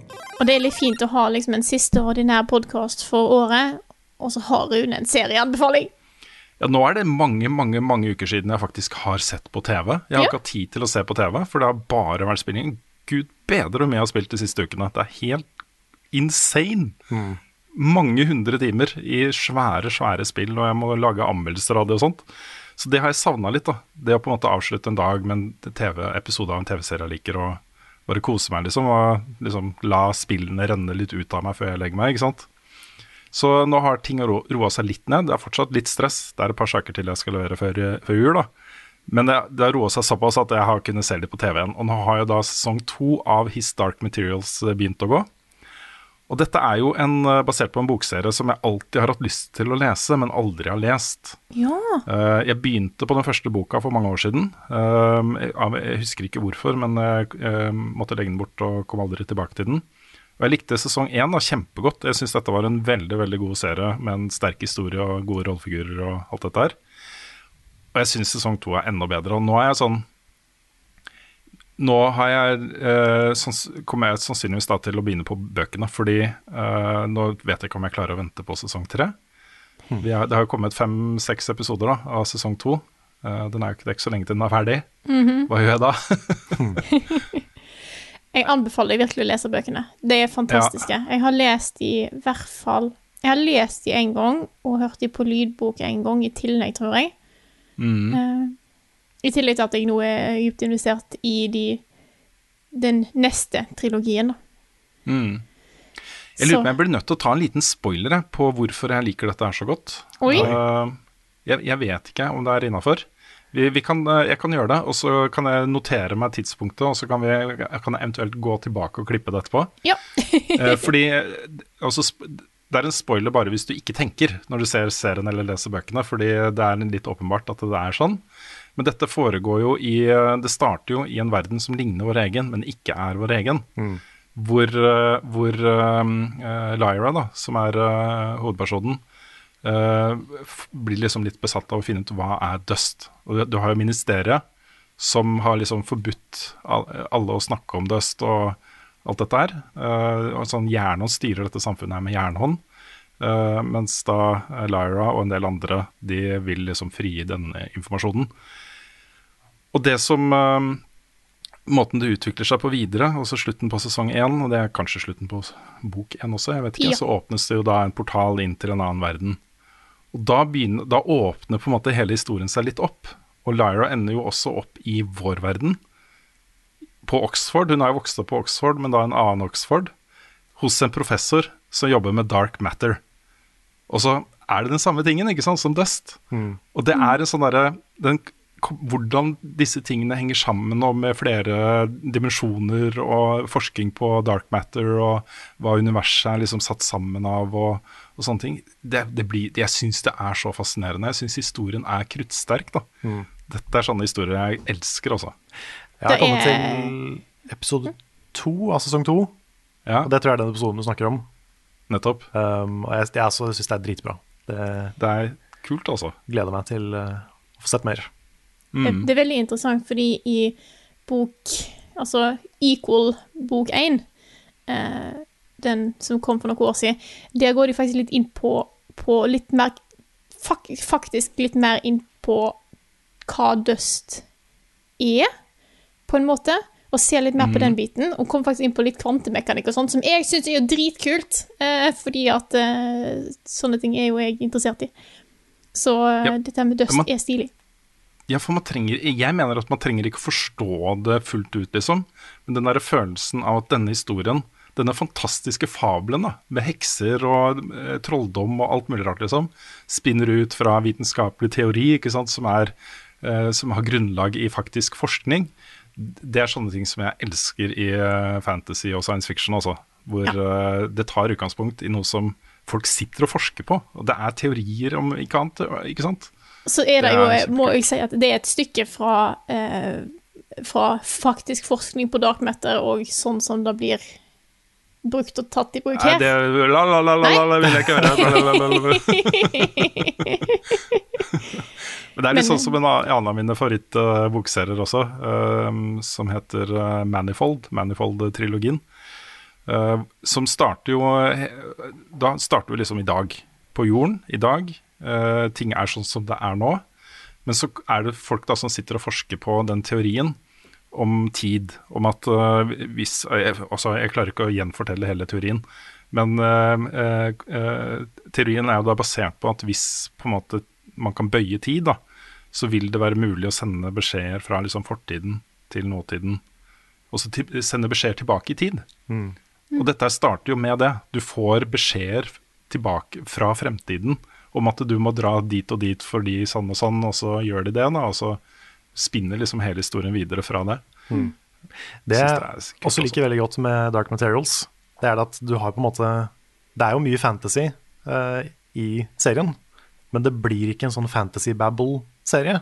Fordi du har, så, du har så direkte paralleller til liksom ekte, altså vår verdens religioner og politikk og sånne ting. Mm. Så det er veldig lett å relatere seg til serien selv om det er fantasi. Da. Mm. Og det syns jeg er en sånn ting som de, beste fantasy-seriene og filmene og bøkene eh, får til. Mm. Det at det er fremmed, men kjent. Jeg er helt enig. Jeg, hadde jo, øh, jeg fikk jo en liten feedback fra VGTV Benjamin på Twitter, hvor jeg, jeg gikk ut og skrøt voldsomt av sesong to.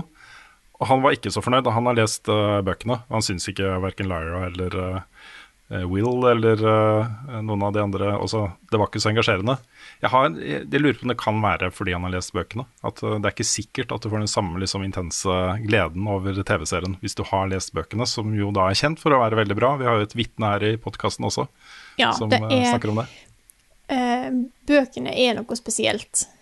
og det er vanskelig å gjenskape det. Nå har jeg på en måte allerede med den filmen som kom for en del år siden, så har jeg på en måte lagt forventningene mine ganske ja, ja, for den var ikke bra. Det, det var ikke bra. Eh, så jeg har liksom lagt ting ganske ned når det kommer til forventninger. Så jeg er veldig, jeg er veldig fornøyd med det vi får nå, selv om mm. det er noen ting med Lyra som jeg ikke helt klarer å forbi Det føles som en annen Lyra.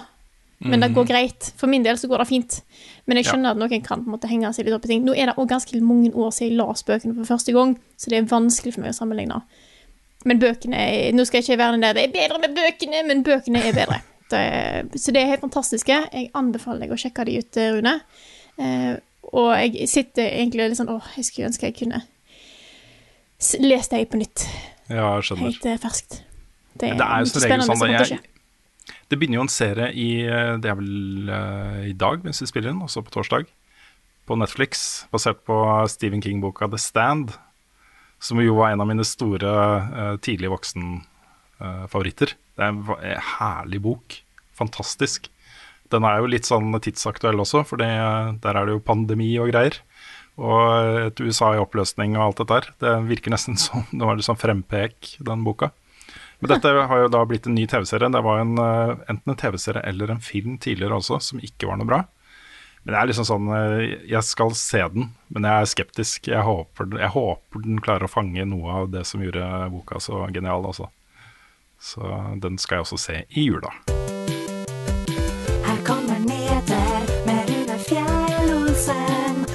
Han har ikke hår.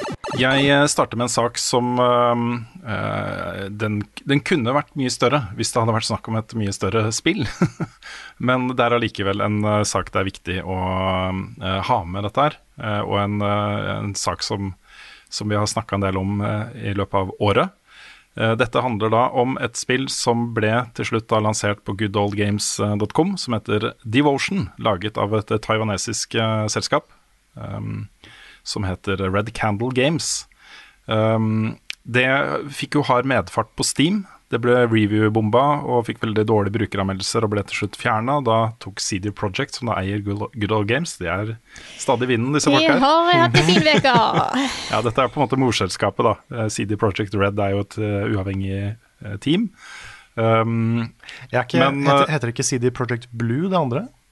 Nei morselskapet heter bare CD Project. Og ja, okay. så er det Red. Og så er det, det er kanskje et uh, som heter Blue også. Som jeg, jeg lurer på om de som driver GOG er Blue, men ja, det er ikke så Ja, kanskje. Uansett. uansett.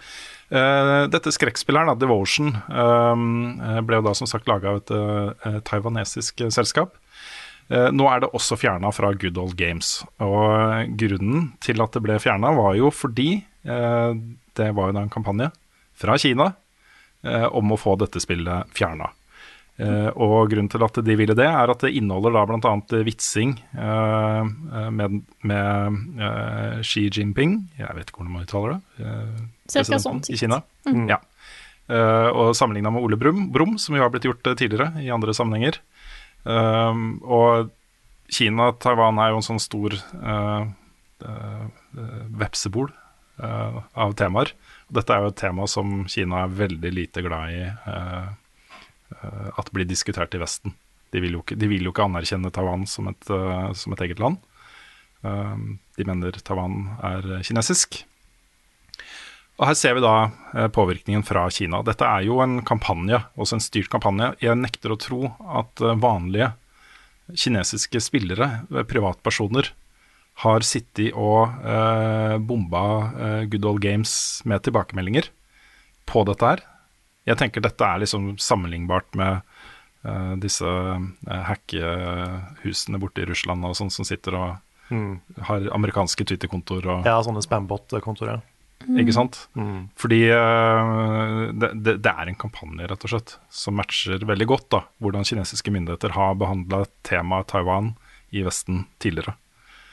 Det var Ja, interessant så- eh, å åpne Reddit og se på en, en Jeg tror det var fra en av disse her spill eh, så var det at liksom altså, 'Devotion is now on good old games', og så kan du jo ha på en sånn flare som forteller på en måte om hva posten handler om, og da så da 'Not on DOG anymore'. Det var litt sånn Ja. Det var Mm.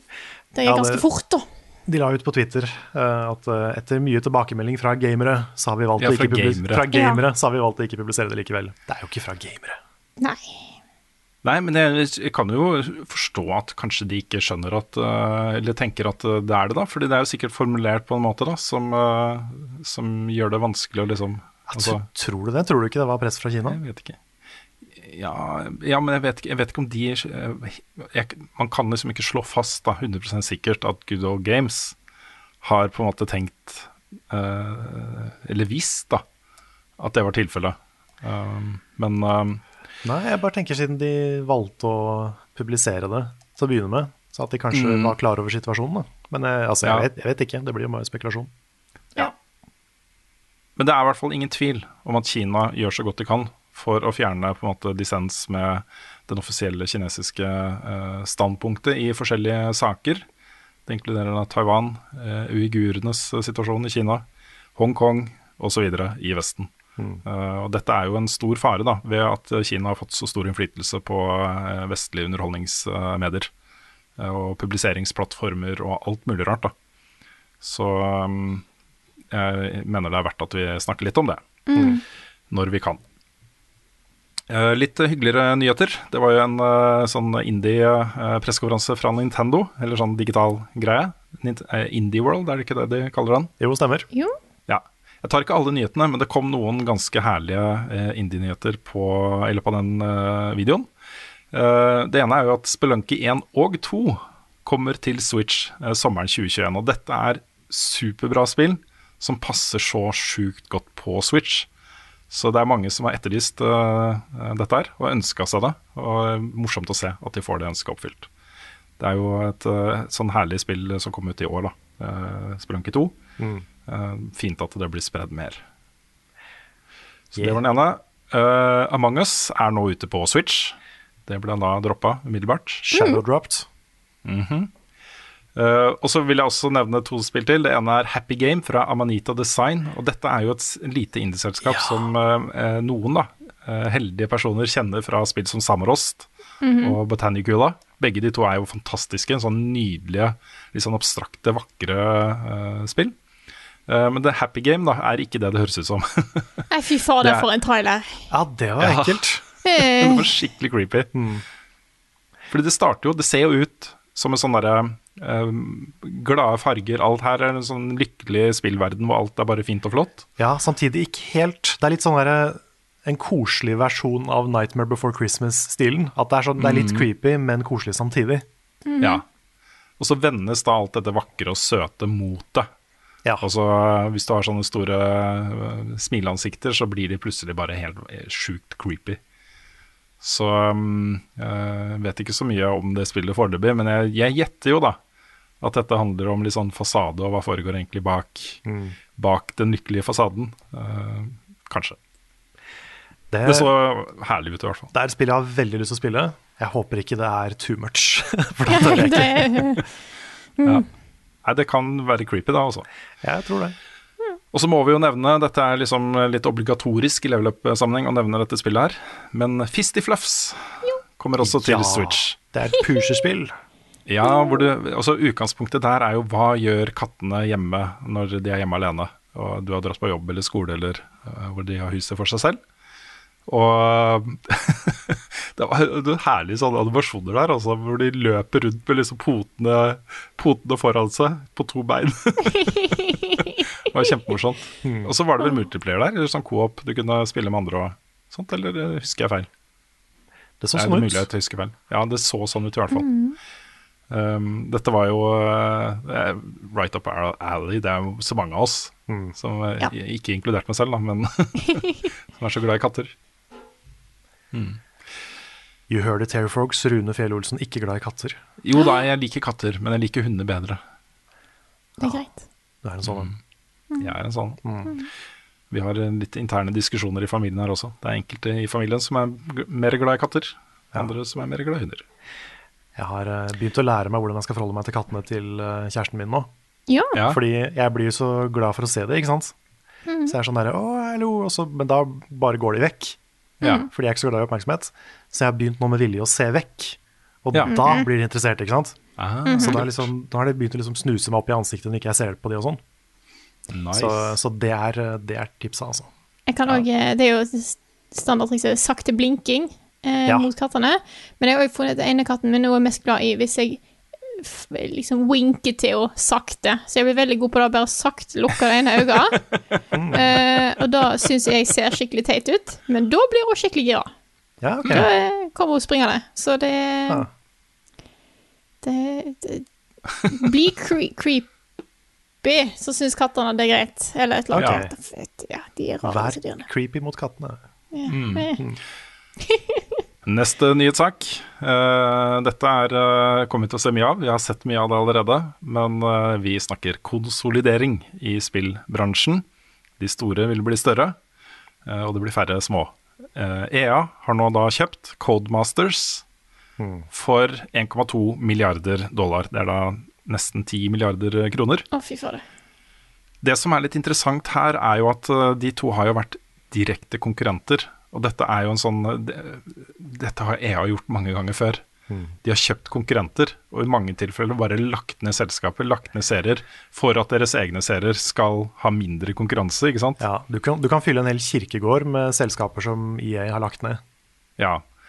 Uh, og det er jo eh, De sier jo da at uh, nå skal de liksom bare dyrke disse seriene videre, og EA skal bli best i verden på bilspill og sånne ting. Ja, for hva er det Codemaster sier ut? Nei, de har. Dirt-serien, de har Project Cars, de har det offisielle VRC-spillet, Uh, Formula 1, også F1-serien, Uh, og en del andre ting, da. Jeg, Um, jeg forbinder de med Micro Machines av en eller annen grunn. ja, de hadde vel den også. Ja. De har hatt en del andre greier også, men det er på en måte, i hvert fall i nyere tid, da, så er det vel bilspill de har vært uh, størst på. Mm. Eh, og mange av disse seriene har jo levd i mange år og vært veldig gode, da.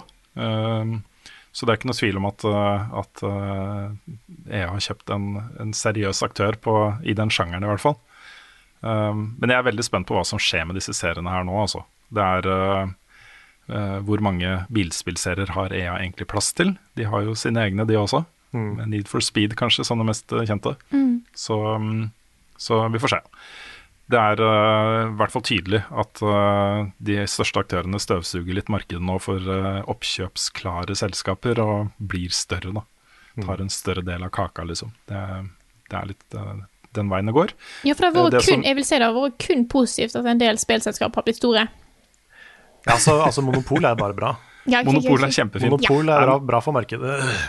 Ja. Nei, men det man samtidig ser, da, eh, og grunnen til at det ikke er sånn superstressa på akkurat dette her, er jo at eh, det skaper jo veldig god grobunn for eh, andre aktører. Det at du får sånne store liksom bloated kjempemegaselskaper som har disse kjempemegaseriene og sånne ting. Så sånne aktører som Raw Fury, Devolver Digital, eh, Annapurna, som jo har blitt Altså de leverer en helt annen type opplevelser på en måte ikke i skyggen av heller, men det blir løfta fram da, som et alternativ ikke sant, til Ja. disse svære megaselskapene. Ja, sånne inkubatorløsninger er jo veldig mye bedre. Så ja. Eh, vi har også fått et lanseringsvindu da på Halo Infinite, eh, som jo da skulle ha kommet ut i november. Eh, men det blir da utsatt et år ca. Det skal komme høsten 2021. Såpass, Vi har fått sett et par skjærbilder da, fra hva de har gjort med grafikken. Og um, den er, jeg vil si i hvert fall den er mer distinkt. Altså den er, uh, har mer eh, personlighet, den visuelle stilen. De viste et par bilder fra et multiplayer-map. Eh, og det, er no, det var noe et eller annet med fargebruken og sånt som eh, var fortsatt Halo, men det løfta det på en måte inn i noe nytt også. Det føltes friskere, da, det jeg så. Så de viser dette her da som et, uh, som et uh, eksempel på hvordan de tenker, uh, på det visuelle. Og så skal de da også mm, jobbe videre med resten av opplevelsen. Da. Men uh, Ja, for da lurer jeg på hva, de, pussy, altså. hva annet de har bestemt seg for å reworke. Er, jeg syns det er litt interessant, for de sier jo at de ikke skal gjøre så mye med historien, fordi den, det, sier de, den har liksom står fjellstøtt, og har alltid stått fjellstøtt, og det er ikke noe problemer der. Men jeg, jeg tipper at de på en måte går gjennom hele spillet og, og prøver å få det til å skille seg mer ut. da. Og være mer 2021 da, istedenfor 2020, men uh, også være mer et moderne spill enn uh, noe som lener seg veldig på konvensjoner fra tidligere i serien. Så det, jeg, jeg tror det blir snakk om liksom mye sånne små grep de gjør her og der da, for å friske opp følelsen av hele uh, spillopplevelsen. Så akkurat hva det er, det vet jeg ikke. Da hadde jeg visst det, så hadde jeg kanskje jobba i et spillselskap. um, ja. En uh, spennende sak som jeg også uh, ble veldig glad for å se, er at Microsoft, Sony og Nintendo nå uh, inngår en allianse hvor de skal jobbe mot trakassering i spill. Og det er sjukt kult at de store spillplattformene jobber sammen om dette og lager et felles system og et felles uh, regelverk da, for hva som er akseptabel oppførsel i spill. Hell yeah. Så det man eh, kan kanskje se, da, er jo eh, kanskje at man kan samarbeide på tvers hvis man har liksom en crossplay-bruker som Det er sikkert litt derfor det skjer, fordi crossplay har blitt en ting. Ja, men jeg tror det handler, handler, det handler nok først og fremst om å bare dele erfaringer og eh, nyttige løsninger og tips og, og sånt. At man eh, i, fellesskap kanskje har eh, større sannsynlighet for å klare å få bukt med dette problemet. Det er, nok først og fremst det. Men eh, samtidig så hvis det da blir en sånn felles at eh, de innloggingene hos de forskjellige på en måte snakker med hverandre på et eller annet vis, så vil jo det kanskje være avskrekkende for noen tenke at hvis eh, du blir kasta ut fra PlayStation, så er jeg ikke så farlig, for du kan bare fortsette på Xbox, liksom. Men hvis ikke du kan det, da, Ja. så eh, blir det verre. Men jeg tror at vi går inn i en fremtid nå hvor det å oppgi telefonnummer, ekte navn, i hvert fall til de du registrerer deg hos, det er ikke, trenger ikke å være offentlig informasjon, men du må liksom bekrefte at du er den du sier du er, tror jeg kommer til å bli ganske vanlig nå. Jeg tror det blir vanskelig å opprette kontor uten at du gjør det. Ja. Internett blir ikke en mindre del av livet våre, og eh, Nei. nettmobbing er jo vel så alvorlig som eh, annen type mobbing. Det er det. Det er jo delvis sånn relatert, fordi skyggesiden av det er jo liksom ok, hvis de vet hvem du er, faktisk hvem du er, og kan spore deg på tvers av plattformer, så åpner det opp en del skumle muligheter også. Eller i hvert fall sånne uh, ubehagelige muligheter, Ja. hvor du blir en forbruksvare og sånne ting. kanskje vi liksom. kan spørre Mark Zuckerberg om han er interessert i den ja, Ja. ikke sant? informasjonen? Ja, nei, jeg leste en eh, bra sak i Aftenposten i dag om eh, arbeidet EU gjør da, eh, eh, for å hindre liksom, de store aktørene i å misbruke eh, personopplysninger og sånne ting. Så der kommer det også til å eh, skje mye i årene framover. All right. Jeg tok den saken til sist, ja, fordi vi via en hel episode av eh, Spilluka til det. Men vi må snakke om det også fordi eh, vi glemte jo i Spilluka å nevne et av de viktigste eh, spillene fra Game Awards. Det var jo Game Awards i eh, forrige uke, natt til fredag, hvor da The Last of Us ble den store vinneren. Henta hjem flere priser, inkludert uh, uh, Game of the Year på Game Awards. Men det er jo grunnen til at vi sitter oppe da midt på natta og streamer dette her og, og sånt, sammen med 500 andre dedikerte seere. Det var herlig, herlig stemning. Det er jo fordi det slippes jo masse spillnyheter også. Uh, og nå går jeg ikke gjennom alle. Jeg nevner ikke alt som ble vist fram. Så hvis du er interessert i en full recap av eh, hva som skjedde på Game Awards, så se Spilluka. Den ligger ute på uh, YouTube-kanalen vår. Lang episode. Uh, Lang episode. Men det spillet vi glemte å nevne, det står i manuset. Det er liksom, sånn, Når det står sånn tett i tett, så hender det av og til at uh, bare hopper over, og så er vi i opptak, så vi glemmer, vi glemmer det, på en måte. Eh, det er jo Seasons. Mm. Et spill som, som ser ut til å handle om liksom bare å eh, reise rundt i verden og dokumentere um, eh, truede dyrearter eh, og den type ting. Ta bilder av de, researche de, eh, finne informasjon om de.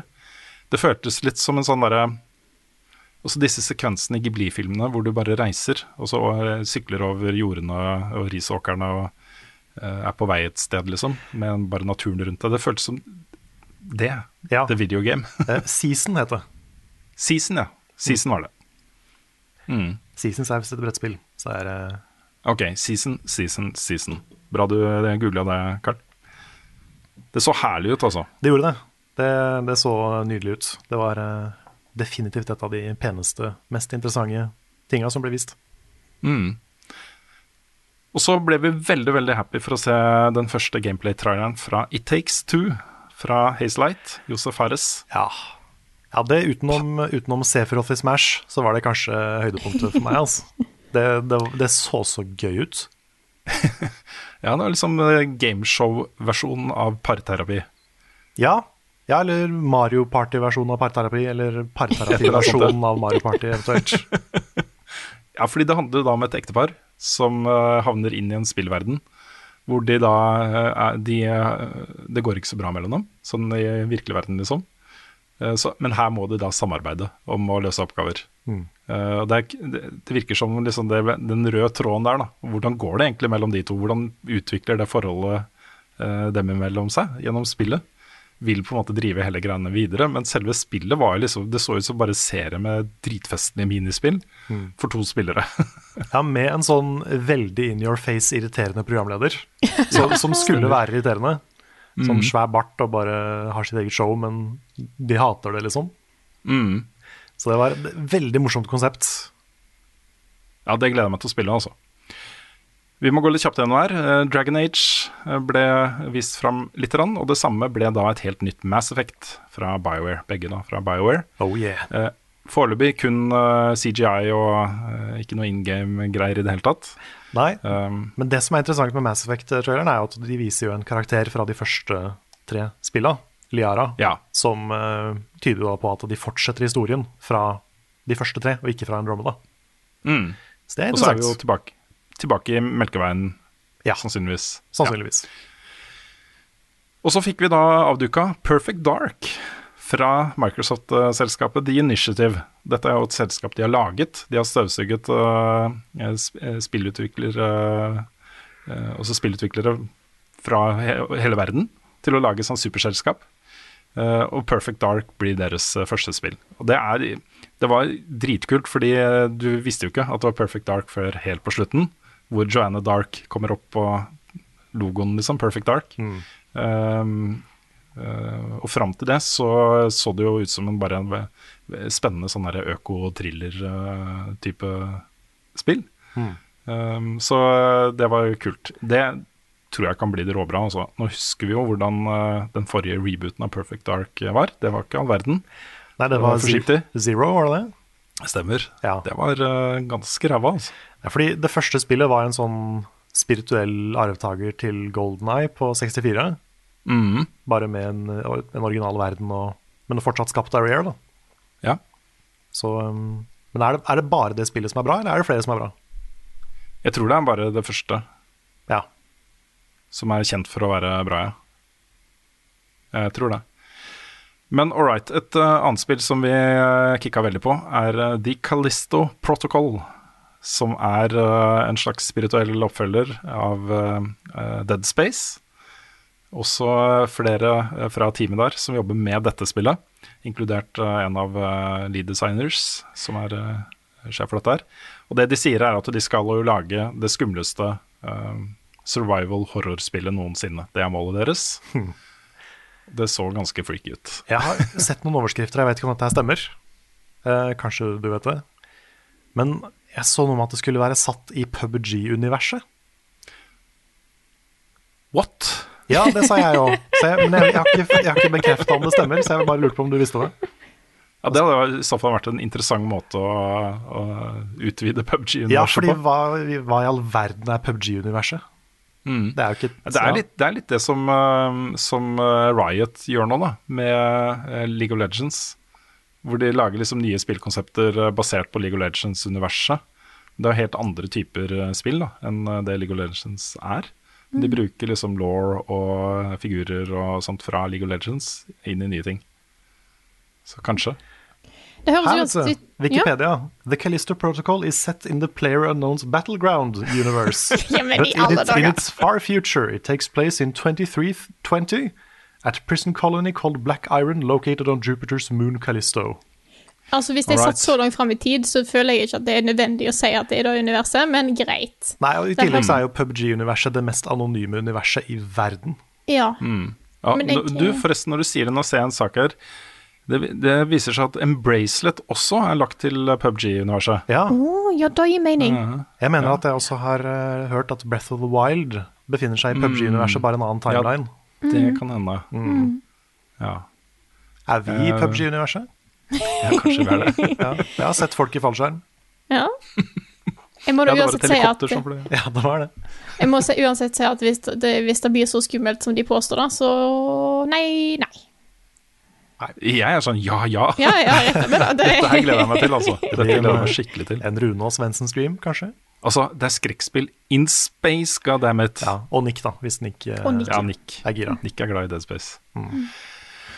Hopper videre til det nye spillet til, um, til uh, Black Desert Online-utviklerne. Det heter uh, Crimson Desert. Og uh, ser jo ut til å blande på en måte litt sånn Assassin's Creed-gameplay med MMO-fil. Jeg syns det så ut som det blanda alt. Ja, det blanda litt alt. Det gjorde det. Det er litt sånn Souls-lignende bosser og Ja, og så var det noe flyving, og det var Det, så ut som Star Wars Squadron et øyeblikk, og det så ut som Ja, det er sant, det. alt på en gang. Ja, ja det gjorde det. Nei, vi tulla litt med at plutselig så kommer det lyssverd opp i mørket, liksom. Sånn, Ja. Men det så jo helt latterlig pent ut. ja, det gjorde det. Og det gjør jo for så vidt eh, Black Desert Online også. I hvert fall den character creatoren er kjent for å være helt insane. Mm. Ja, det så gøy ut, rett og slett. Hvis dette her er spillbart, så er det sånn, et sånt spill jeg kunne tenke meg å teste. Det ville det da i så fall blitt. Det er ikke det første MMO jeg tester. Jeg har spilt litt eh, Secret World, jeg har spilt litt eh, Anarchy Online, eh, litt Age of Conan. Um, men jeg har jo aldri fordypa meg i noen av disse. Det er jo bare for å se hva det er for noe, liksom. Um, men dette her så fristende ut på meg også. Den snakket til meg også. Det er sjelden også, at MMO-er gjør det. Og så får vi Ark 2 med Vin Diesel, ikke bare i hovedrollen. Men han er jo da også en av eh, produsentene av dette spillet. ja, Riktig. Og det er han da både fordi han har penger, og fordi han har da angivelig runda 1000 timer i Ark 1. Så han er en dedikert Ark-spiller. Ja, det er mange timer i Ark. Mm, det kan være jeg så i var da det kan være jeg blander nå, men at det var en bug som var blitt eh, utvikla av Ark hadde sagt De har fiksa at dette var da Vin Diesel som rapporterte om. ja! Det er kjempebra, vet du.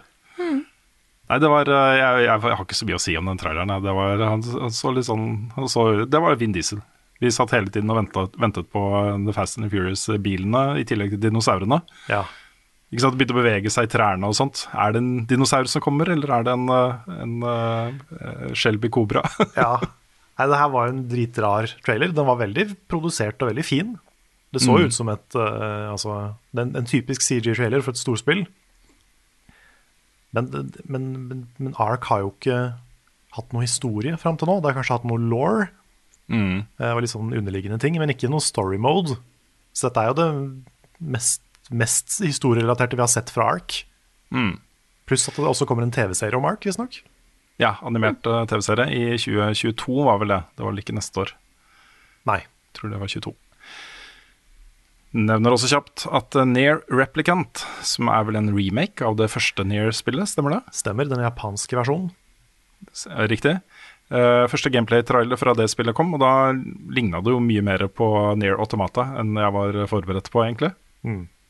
Så det så stilig ut. Og så har du jo allerede nevnt Sephiroth til Smash. Yes! Så det var de største nyhetssakene. Jeg vet det skjedde mye andre greier. Du får bare ta en kikk på spilluka, eller eh, se hele showet i eh, reprise på YouTube.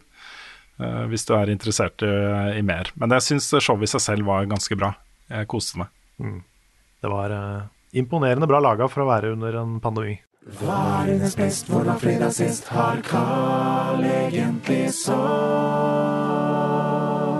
Ukens spørsmål.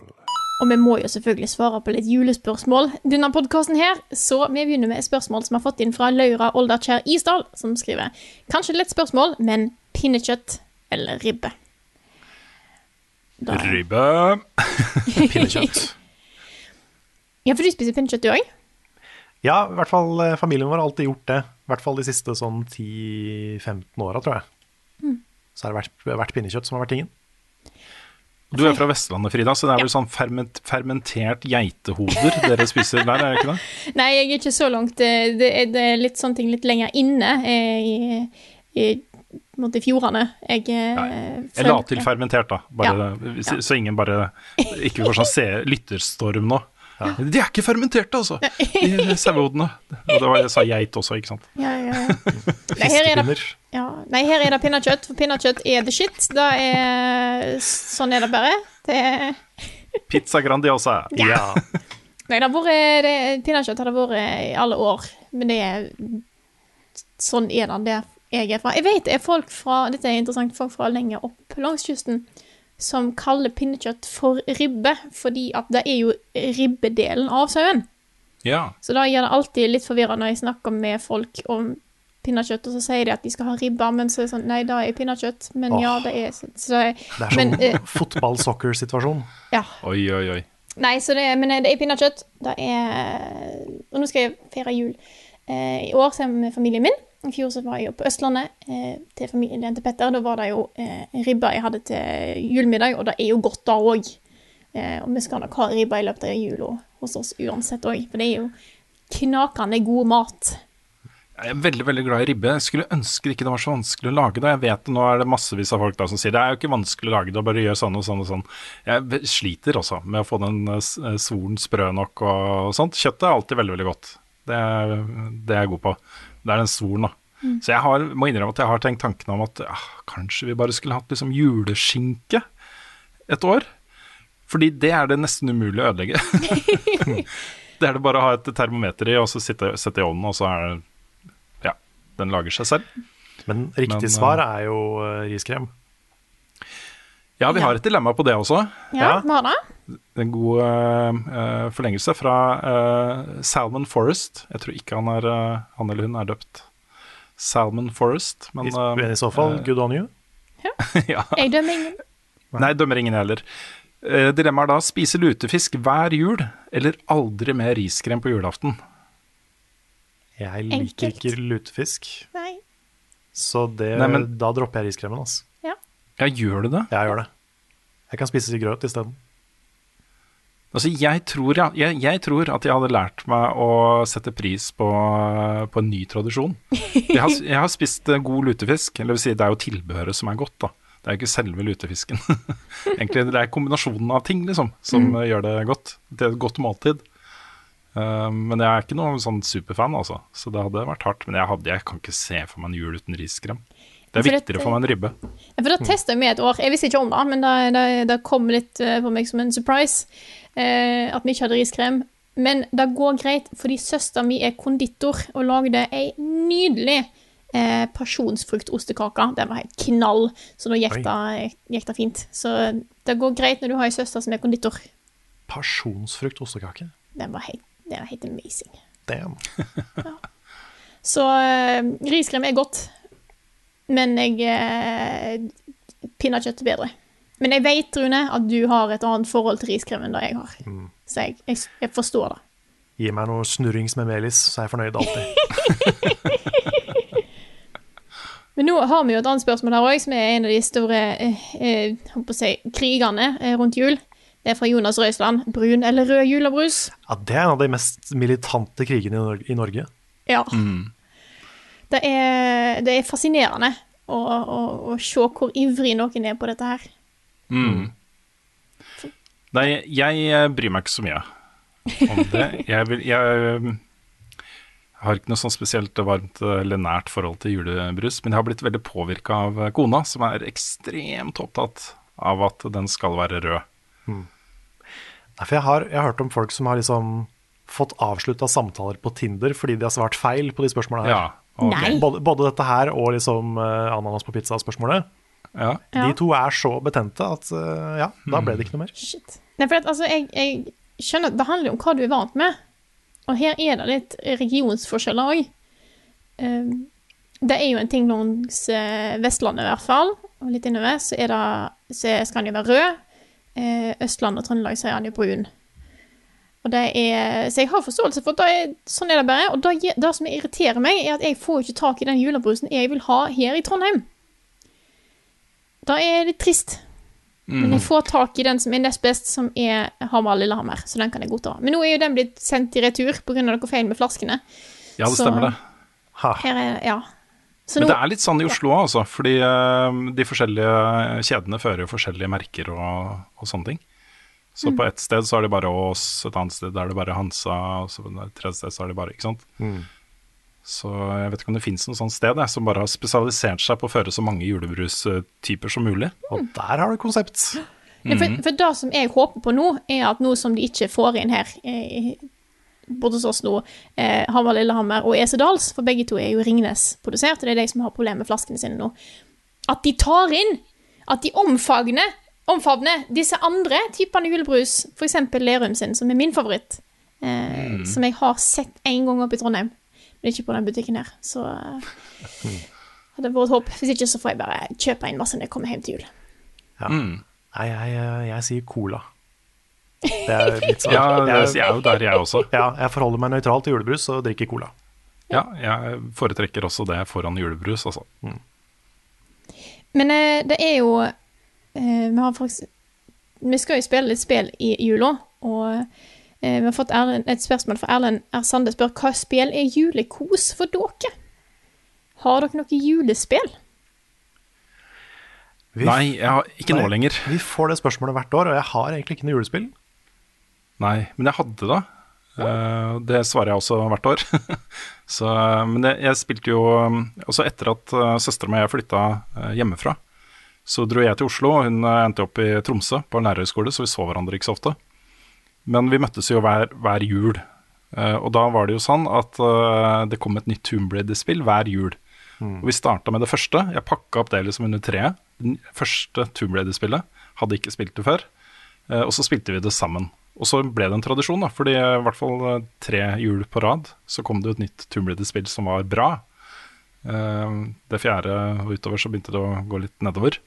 Men eh, det ble en sånn veldig, veldig fin tradisjon også, hvor eh, ikke bare møtte jeg søstera mi, som jeg er veldig glad i, eh, igjen, men vi satt oss ned og spilte Tomb Raider sammen. Så det ble jul for meg, altså, de årene det pågikk, og er fortsatt det, da, når jeg tenker på det, liksom. Ja, vi, Så- hadde, vi hadde litt sånn med Zelda-spill noen år.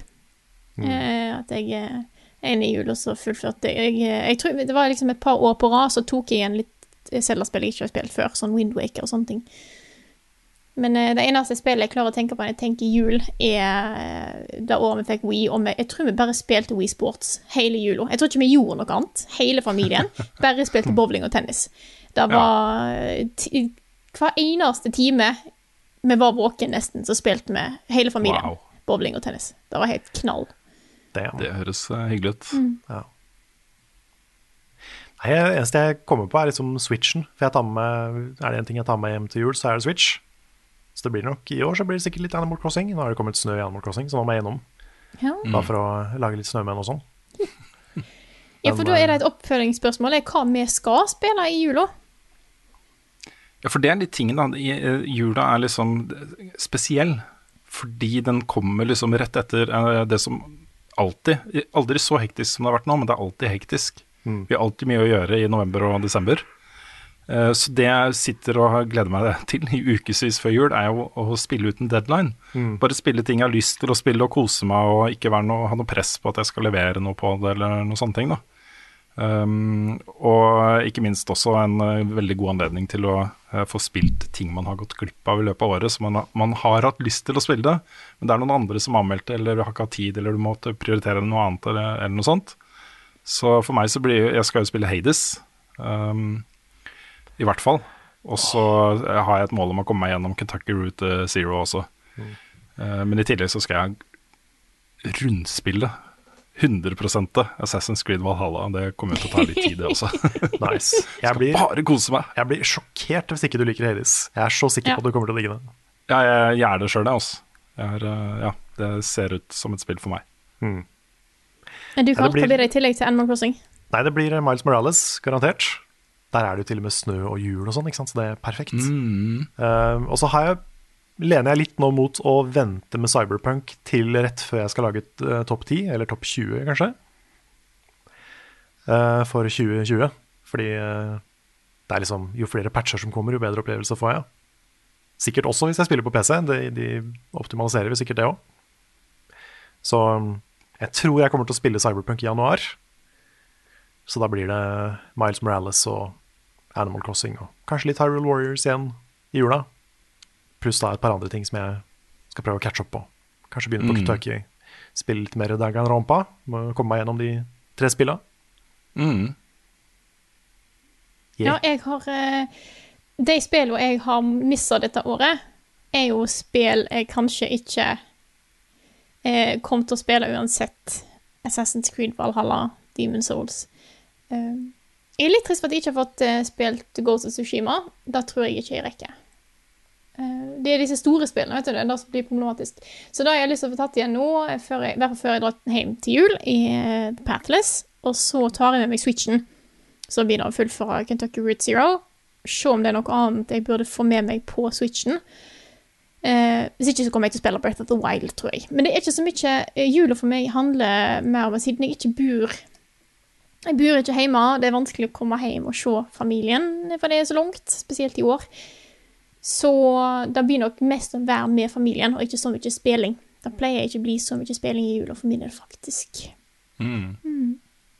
Det er så mye andre ting som skjer. Mye folk å se. Ikke så mye folk å se i år, da. Det er litt sånn, holder Nei, det seg litt tilbake på det. Kanskje det blir mer spilling i år. Får se hva det blir. Ja, jeg har tenkt også å finne et spill å spille med kidsa også, sammen det, liksom. Ja. Da jeg vet jeg sa Var det sist, eller var det på streamen? Jeg husker ikke helt. At um, Nei, det var jo i Patron Q&A, da, så det er jo ikke så mange som har hørt det. Men jeg hadde bestemt meg for egentlig The Last Guardian, Ja. uh, som jeg tror de hadde digga. Uh, men jeg tror det står mellom det da og Spiderman. Både da original Enhanced Edition og eh, Miles Morales. Det tror jeg også de hadde digga. Så vi får se. Yes. Men da er det, har dere noen flere spørsmål på lur? Enten julespørsmål eller andre spørsmål? Jeg er, begge deler. Oi, Så jeg kan ta et julespørsmål først, eh, kanskje. Gjerne. Ok. Det er fra Alexander Austad, uh, som skriver All I want for Christmas is Carl. Carl. Oi. er dette gjennomførbart? Det kommer an på definisjonen. det er um, Jeg kan ikke love at jeg skal feire jul med deg, dessverre. Det, jeg kan heller ikke love at jeg rekker å være nissen din, men det hadde vært gøy, da. Men hvis du setter på en video, så har du jo meg til jul. eller en Ja. podcast, eller så, Sånn sett så er det gjennomførbart. Men uh, I'm afraid my heart belongs to someone else, altså. Så du er litt seint ute, dessverre. Men jeg har et spørsmål, jeg òg. Ja. Det er fra Lasse Meyer Antonsen. Hvis dere kunne ønske dere bare én ting til jul, hva ville det vært? Nikk på fulltid. Ja, nikk på fulltid. Ja, det er sant, altså. Ja, herregud. Nikk på fulltid. Åh, Jesus, det hadde betydd så mye for oss. Det hadde det. Eventuelt eh, en frisk verden. Ja. Nå så å jeg det. Nå er det på si, bedringens vei med vaksiner som er på vei ut, så vi krysser fingrene for at, eh, for at 2020 slutter når det skal på nyttårsaften. Og så går vi inn i et nytt år. Ja. Så bare på nyttårsaften alle er kurert. Ja. Ja, Det, har vært luksus. ja, litt optimistisk, men eh, det er den That's the attitude we need. Eller noe. Ja. Ja, nei, har vi et eh, Har vi flere spørsmål på, på laget? Ja, jeg har et fra Nå er det ikke juletema lenger, da. Er det oh. greit? Ja, det går greit. Jeg har et her fra Rune uh, Skjærsli Småbråten, som spør hva ville dere helst spilt? Animal Crossing med Bloodborne-estetikk, eller Bloodborne med Animal Crossing-estetikk? Animal Crossing med. Bloodborne-estetikk. Det hadde vært veldig kult. Sånn Ja. super-gothic Animal Crossing. Ja. Men samtidig Det hadde vært litt gøy å spille Bloodborne med Animal Crossing. Men samtidig så er det sånn, jeg har ikke lyst til å drepe alle de søte tinga. Bortsett fra Tom Nook, Ja. kanskje? Nei. Nei, han, han kan liksom Han kan han kan, få seg, han kan få seg kanskje en måneds tid i fengsel pga. alle folka han har svindla. Men jeg har ikke lyst til å drepe han. Nei, sant. Det er bare sånn, Han kan få seg en bot og litt sånn. En Bloodborne med Animal Crossing-estetikk blir jo fort Meet the Feebles, som er jo splatter-versjonen av, eh, av Muppet Show. det det, det hadde, hadde vært litt stilig, da, å se det, alt det søte bare blir revet i filler i, uh, universet til Bloodborne. Er det ikke en serie som heter Happy Tree Jo, Friends? Happy Tree? Friends, jo. Den Ja. husker jeg. Mm. Det er jo det. Ja. Ja. Nei, det er Jeg vet interessant. ikke, altså. eh, Jeg, jeg, jeg, å, det blir det, det er derfor jeg, jeg Jeg vet ikke helt om noen av spillene hadde blitt bra, men det hadde vært interessant å sett. Mm. Ja. Ja, begge deler. Det var, jeg, jeg likte tankeøvelsen. Ja, enig. Alle bildene man får i hodet av det. er- Men du har jo den der eh, Isabel i Doom-crossover-tingen. Mhm. Så kanskje liksom Bloodborne, der hvor du spiller som Isabel, Ja. Ja. det kunne vært gøy. Mm. Så hvis det er det, så lenge jeg slipper å liksom drepe de søte naboene, så eh, hadde jeg kanskje gått for det. Men samtidig Det er bare tenk du- En du- du- go gothic texture pack til, til uh, Animal Crossing også hadde vært helt awesome. Men altså, jeg Ja, men skjønner jo Dette er jo derfor vi trenger å få Bloodborne på PC, så vi kan lage Animal Crossing mods. Ja, det er det, Ja. ikke sant? Det er det. Men bare se for deg, ikke sant? Du er på Animal Crossing-øya di, du går langs stranda, der ligger det noe som ser litt rart ut, du går bort, og så er det Orphan of Koss, liksom. Ja. Og så kan du plassere litt blomster rundt den og Gi kanskje maten et eple, og Ah. så blir den vennen din, og så må du hjelpe den med huset hans. Og... Eller -hmm. Eller kirken masse hans. Alle har hver sin kirke istedenfor hvert sitt hus. Ja. Så kan det være masse sånn nytteverdi av den morkaka hans. Og, Ja, du, du må jo bruke da morkake til crafting og eh, Mm. litt sånn Ja. der, forskjellige lag av blod og kanskje blood vials på kaka. ja. Det er noe her, altså. Det er det. Det er det. Mm. Inflicted organs kan du plassere rundt på bordet. Og... Eh, ja. Nei, det Ja, hvis du har uh, spist for mye kake, så ser du sånne svære amygdalaer uh, som krabler. Ja, for da, jo mer kake du spiser, jo mer ser du hvordan verden egentlig er. Ja. Mm. Her lukter jeg DLC til Animal Crossing Nintendo, så bare til Ja, å eh, Den får dere gratis. Helt, Mm. dere Fordi skal få lov til å ta den. Hvis noen andre lager det, så blir de banna. Yes. yes, har vi et, har vi et te? Eller to? Scamshay. Okay. Um, Christian Finstad har et spørsmål som jeg kan ta en sånn apropos på. Ja. For han spør kommer det en julespesial av Bloodbjørn, og eventuelt hvis ikke, hvordan hadde du lagt opp en slik spesial, Carl? Jeg må jo komme med en litt sånn kjip nyhet. Og det er jo at pga. korona, og eh, Bjørn var ikke i form og eh, reise inn til Oslo og diverse ting, så måtte vi utsette innspilling. Så jeg hadde håpa å få spilt inn litt Bloodbjørn nå før jul, sånn at vi hadde det gående i romjula. Det klarte vi ikke, dessverre. Så det blir en liten pause, en liten julepause på Bloodbjørn. Jeg er litt lei meg for det. Men det blir i hvert fall De bra barbarer kommer til å gå i uh, romjula. Um, og kanskje litt, eh, litt andre ting også. Vi får se. Ja, vi skal ikke annonse den andre tingen. Nei, i tilfelle. Nei, i tilfelle. Så, um, så eh, dessverre. Så, for jeg hadde ikke lyst til å ha opphold i Bloodburn, men det, det kan se sånn ut, dessverre. Mm. Men vi kommer sterkere tilbake over jul. Yeah. Og så kommer det da første juledag. Eh, Neste episode av podkasten blir jo vår store Game of the Year-kåring. Det Ja. gjør det, altså. Med masse kategorier og tjo og hei. Vi har eh, mange herlige kategorier i år. Over Yes. 20 priser vi skal dele ut. Ja. 23 tror jeg vi endte opp med. Ja, jeg tror det. ja. Den ble spilt inn i går, så den er, den er spilt inn. Så eh, det er litt sånn time travel-greie. Ja. Det er alltid spennende. Alltid spennende. Nei, men Den kommer da første juledag og skal både få en fin YouTube-versjon og komme som lydpodkast som vanlig. Så ja, Høres ja, bra gleder meg til å få ferdig.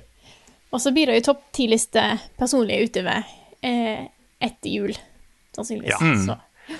De pleier å komme på, på vinteren slash våren. Da, Ja, jeg, da kommer de. jeg har jo pleid å prøve å få lag- lagd de før nyttår, jeg, da. Mm. For jeg syns de, de står best hvis de kommer før nyttår. Men det rekker jeg ikke i år. Jeg har Nei, et par det- hull som jeg må tette først. Ja. Ja, det er det jeg også tenker. At jeg, jeg liker å ha liksom januar til å catche opp. Mm. Åh, nei, er det Har vi ett siste, eller er det på tide å runde av? Vi kan runde av. Ja. Da eh, tenkte jeg bare å se Vi har ikke helt bestemt når vi er tilbake igjen, men vi er tilbake igjen i januar. Så det er bare til å glede seg til det. Eh, men da bare kjører jeg alt, tror jeg. Eh, dette her er Level Backup, en podkast utgitt av moderne media. Låten i introen og outroen er skrevet av Ole Sønnik Larsen og arrangert og framført av Kyoshu Orkestra. Vignettene er lagd av fantastiske Martin Herfjord. Du finner mye mer innhold fra oss på youtube.com slash levelupnord, og der kommer det òg til å Hvis du vil da se den Level Up Awards podkast-videoen som kommer neste uke, så er det der du finner den. Hvis ikke så er den tilgjengelig på alle podkast-apper du kunne tenkt deg. Eh, så dette blir jo det første juledag.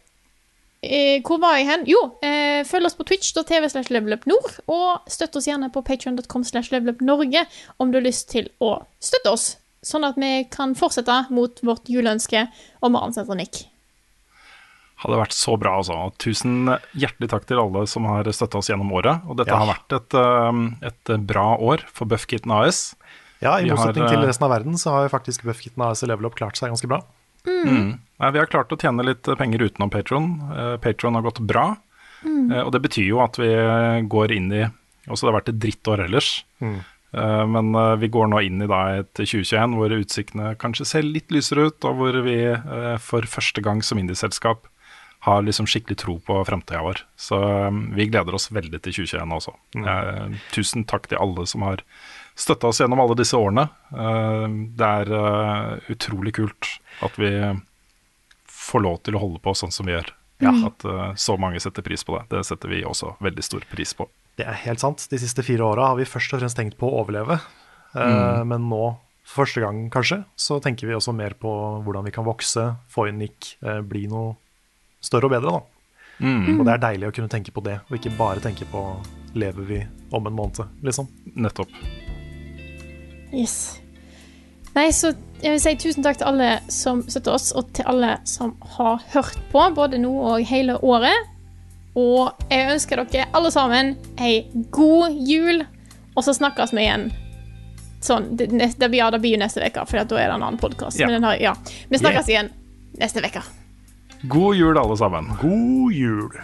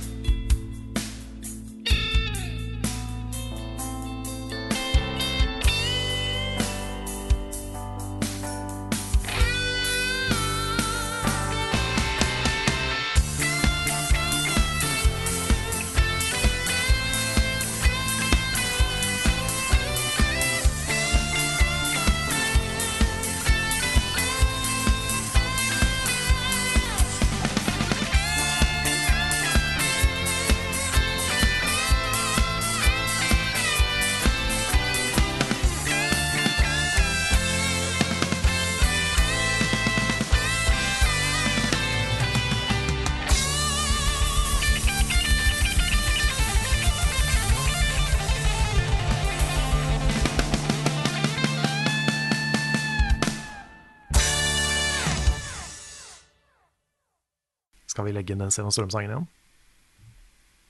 Nei. Det er greit. det er greit. Har du et enkeltpersonforetak eller en liten bedrift? Da er du sikkert lei av å høre meg snakke om hvor enkelt det er med kvitteringer og bilag i fiken, så vi eh, gir oss her, vi. Fordi vi liker enkelt. Fiken superenkelt regnskap.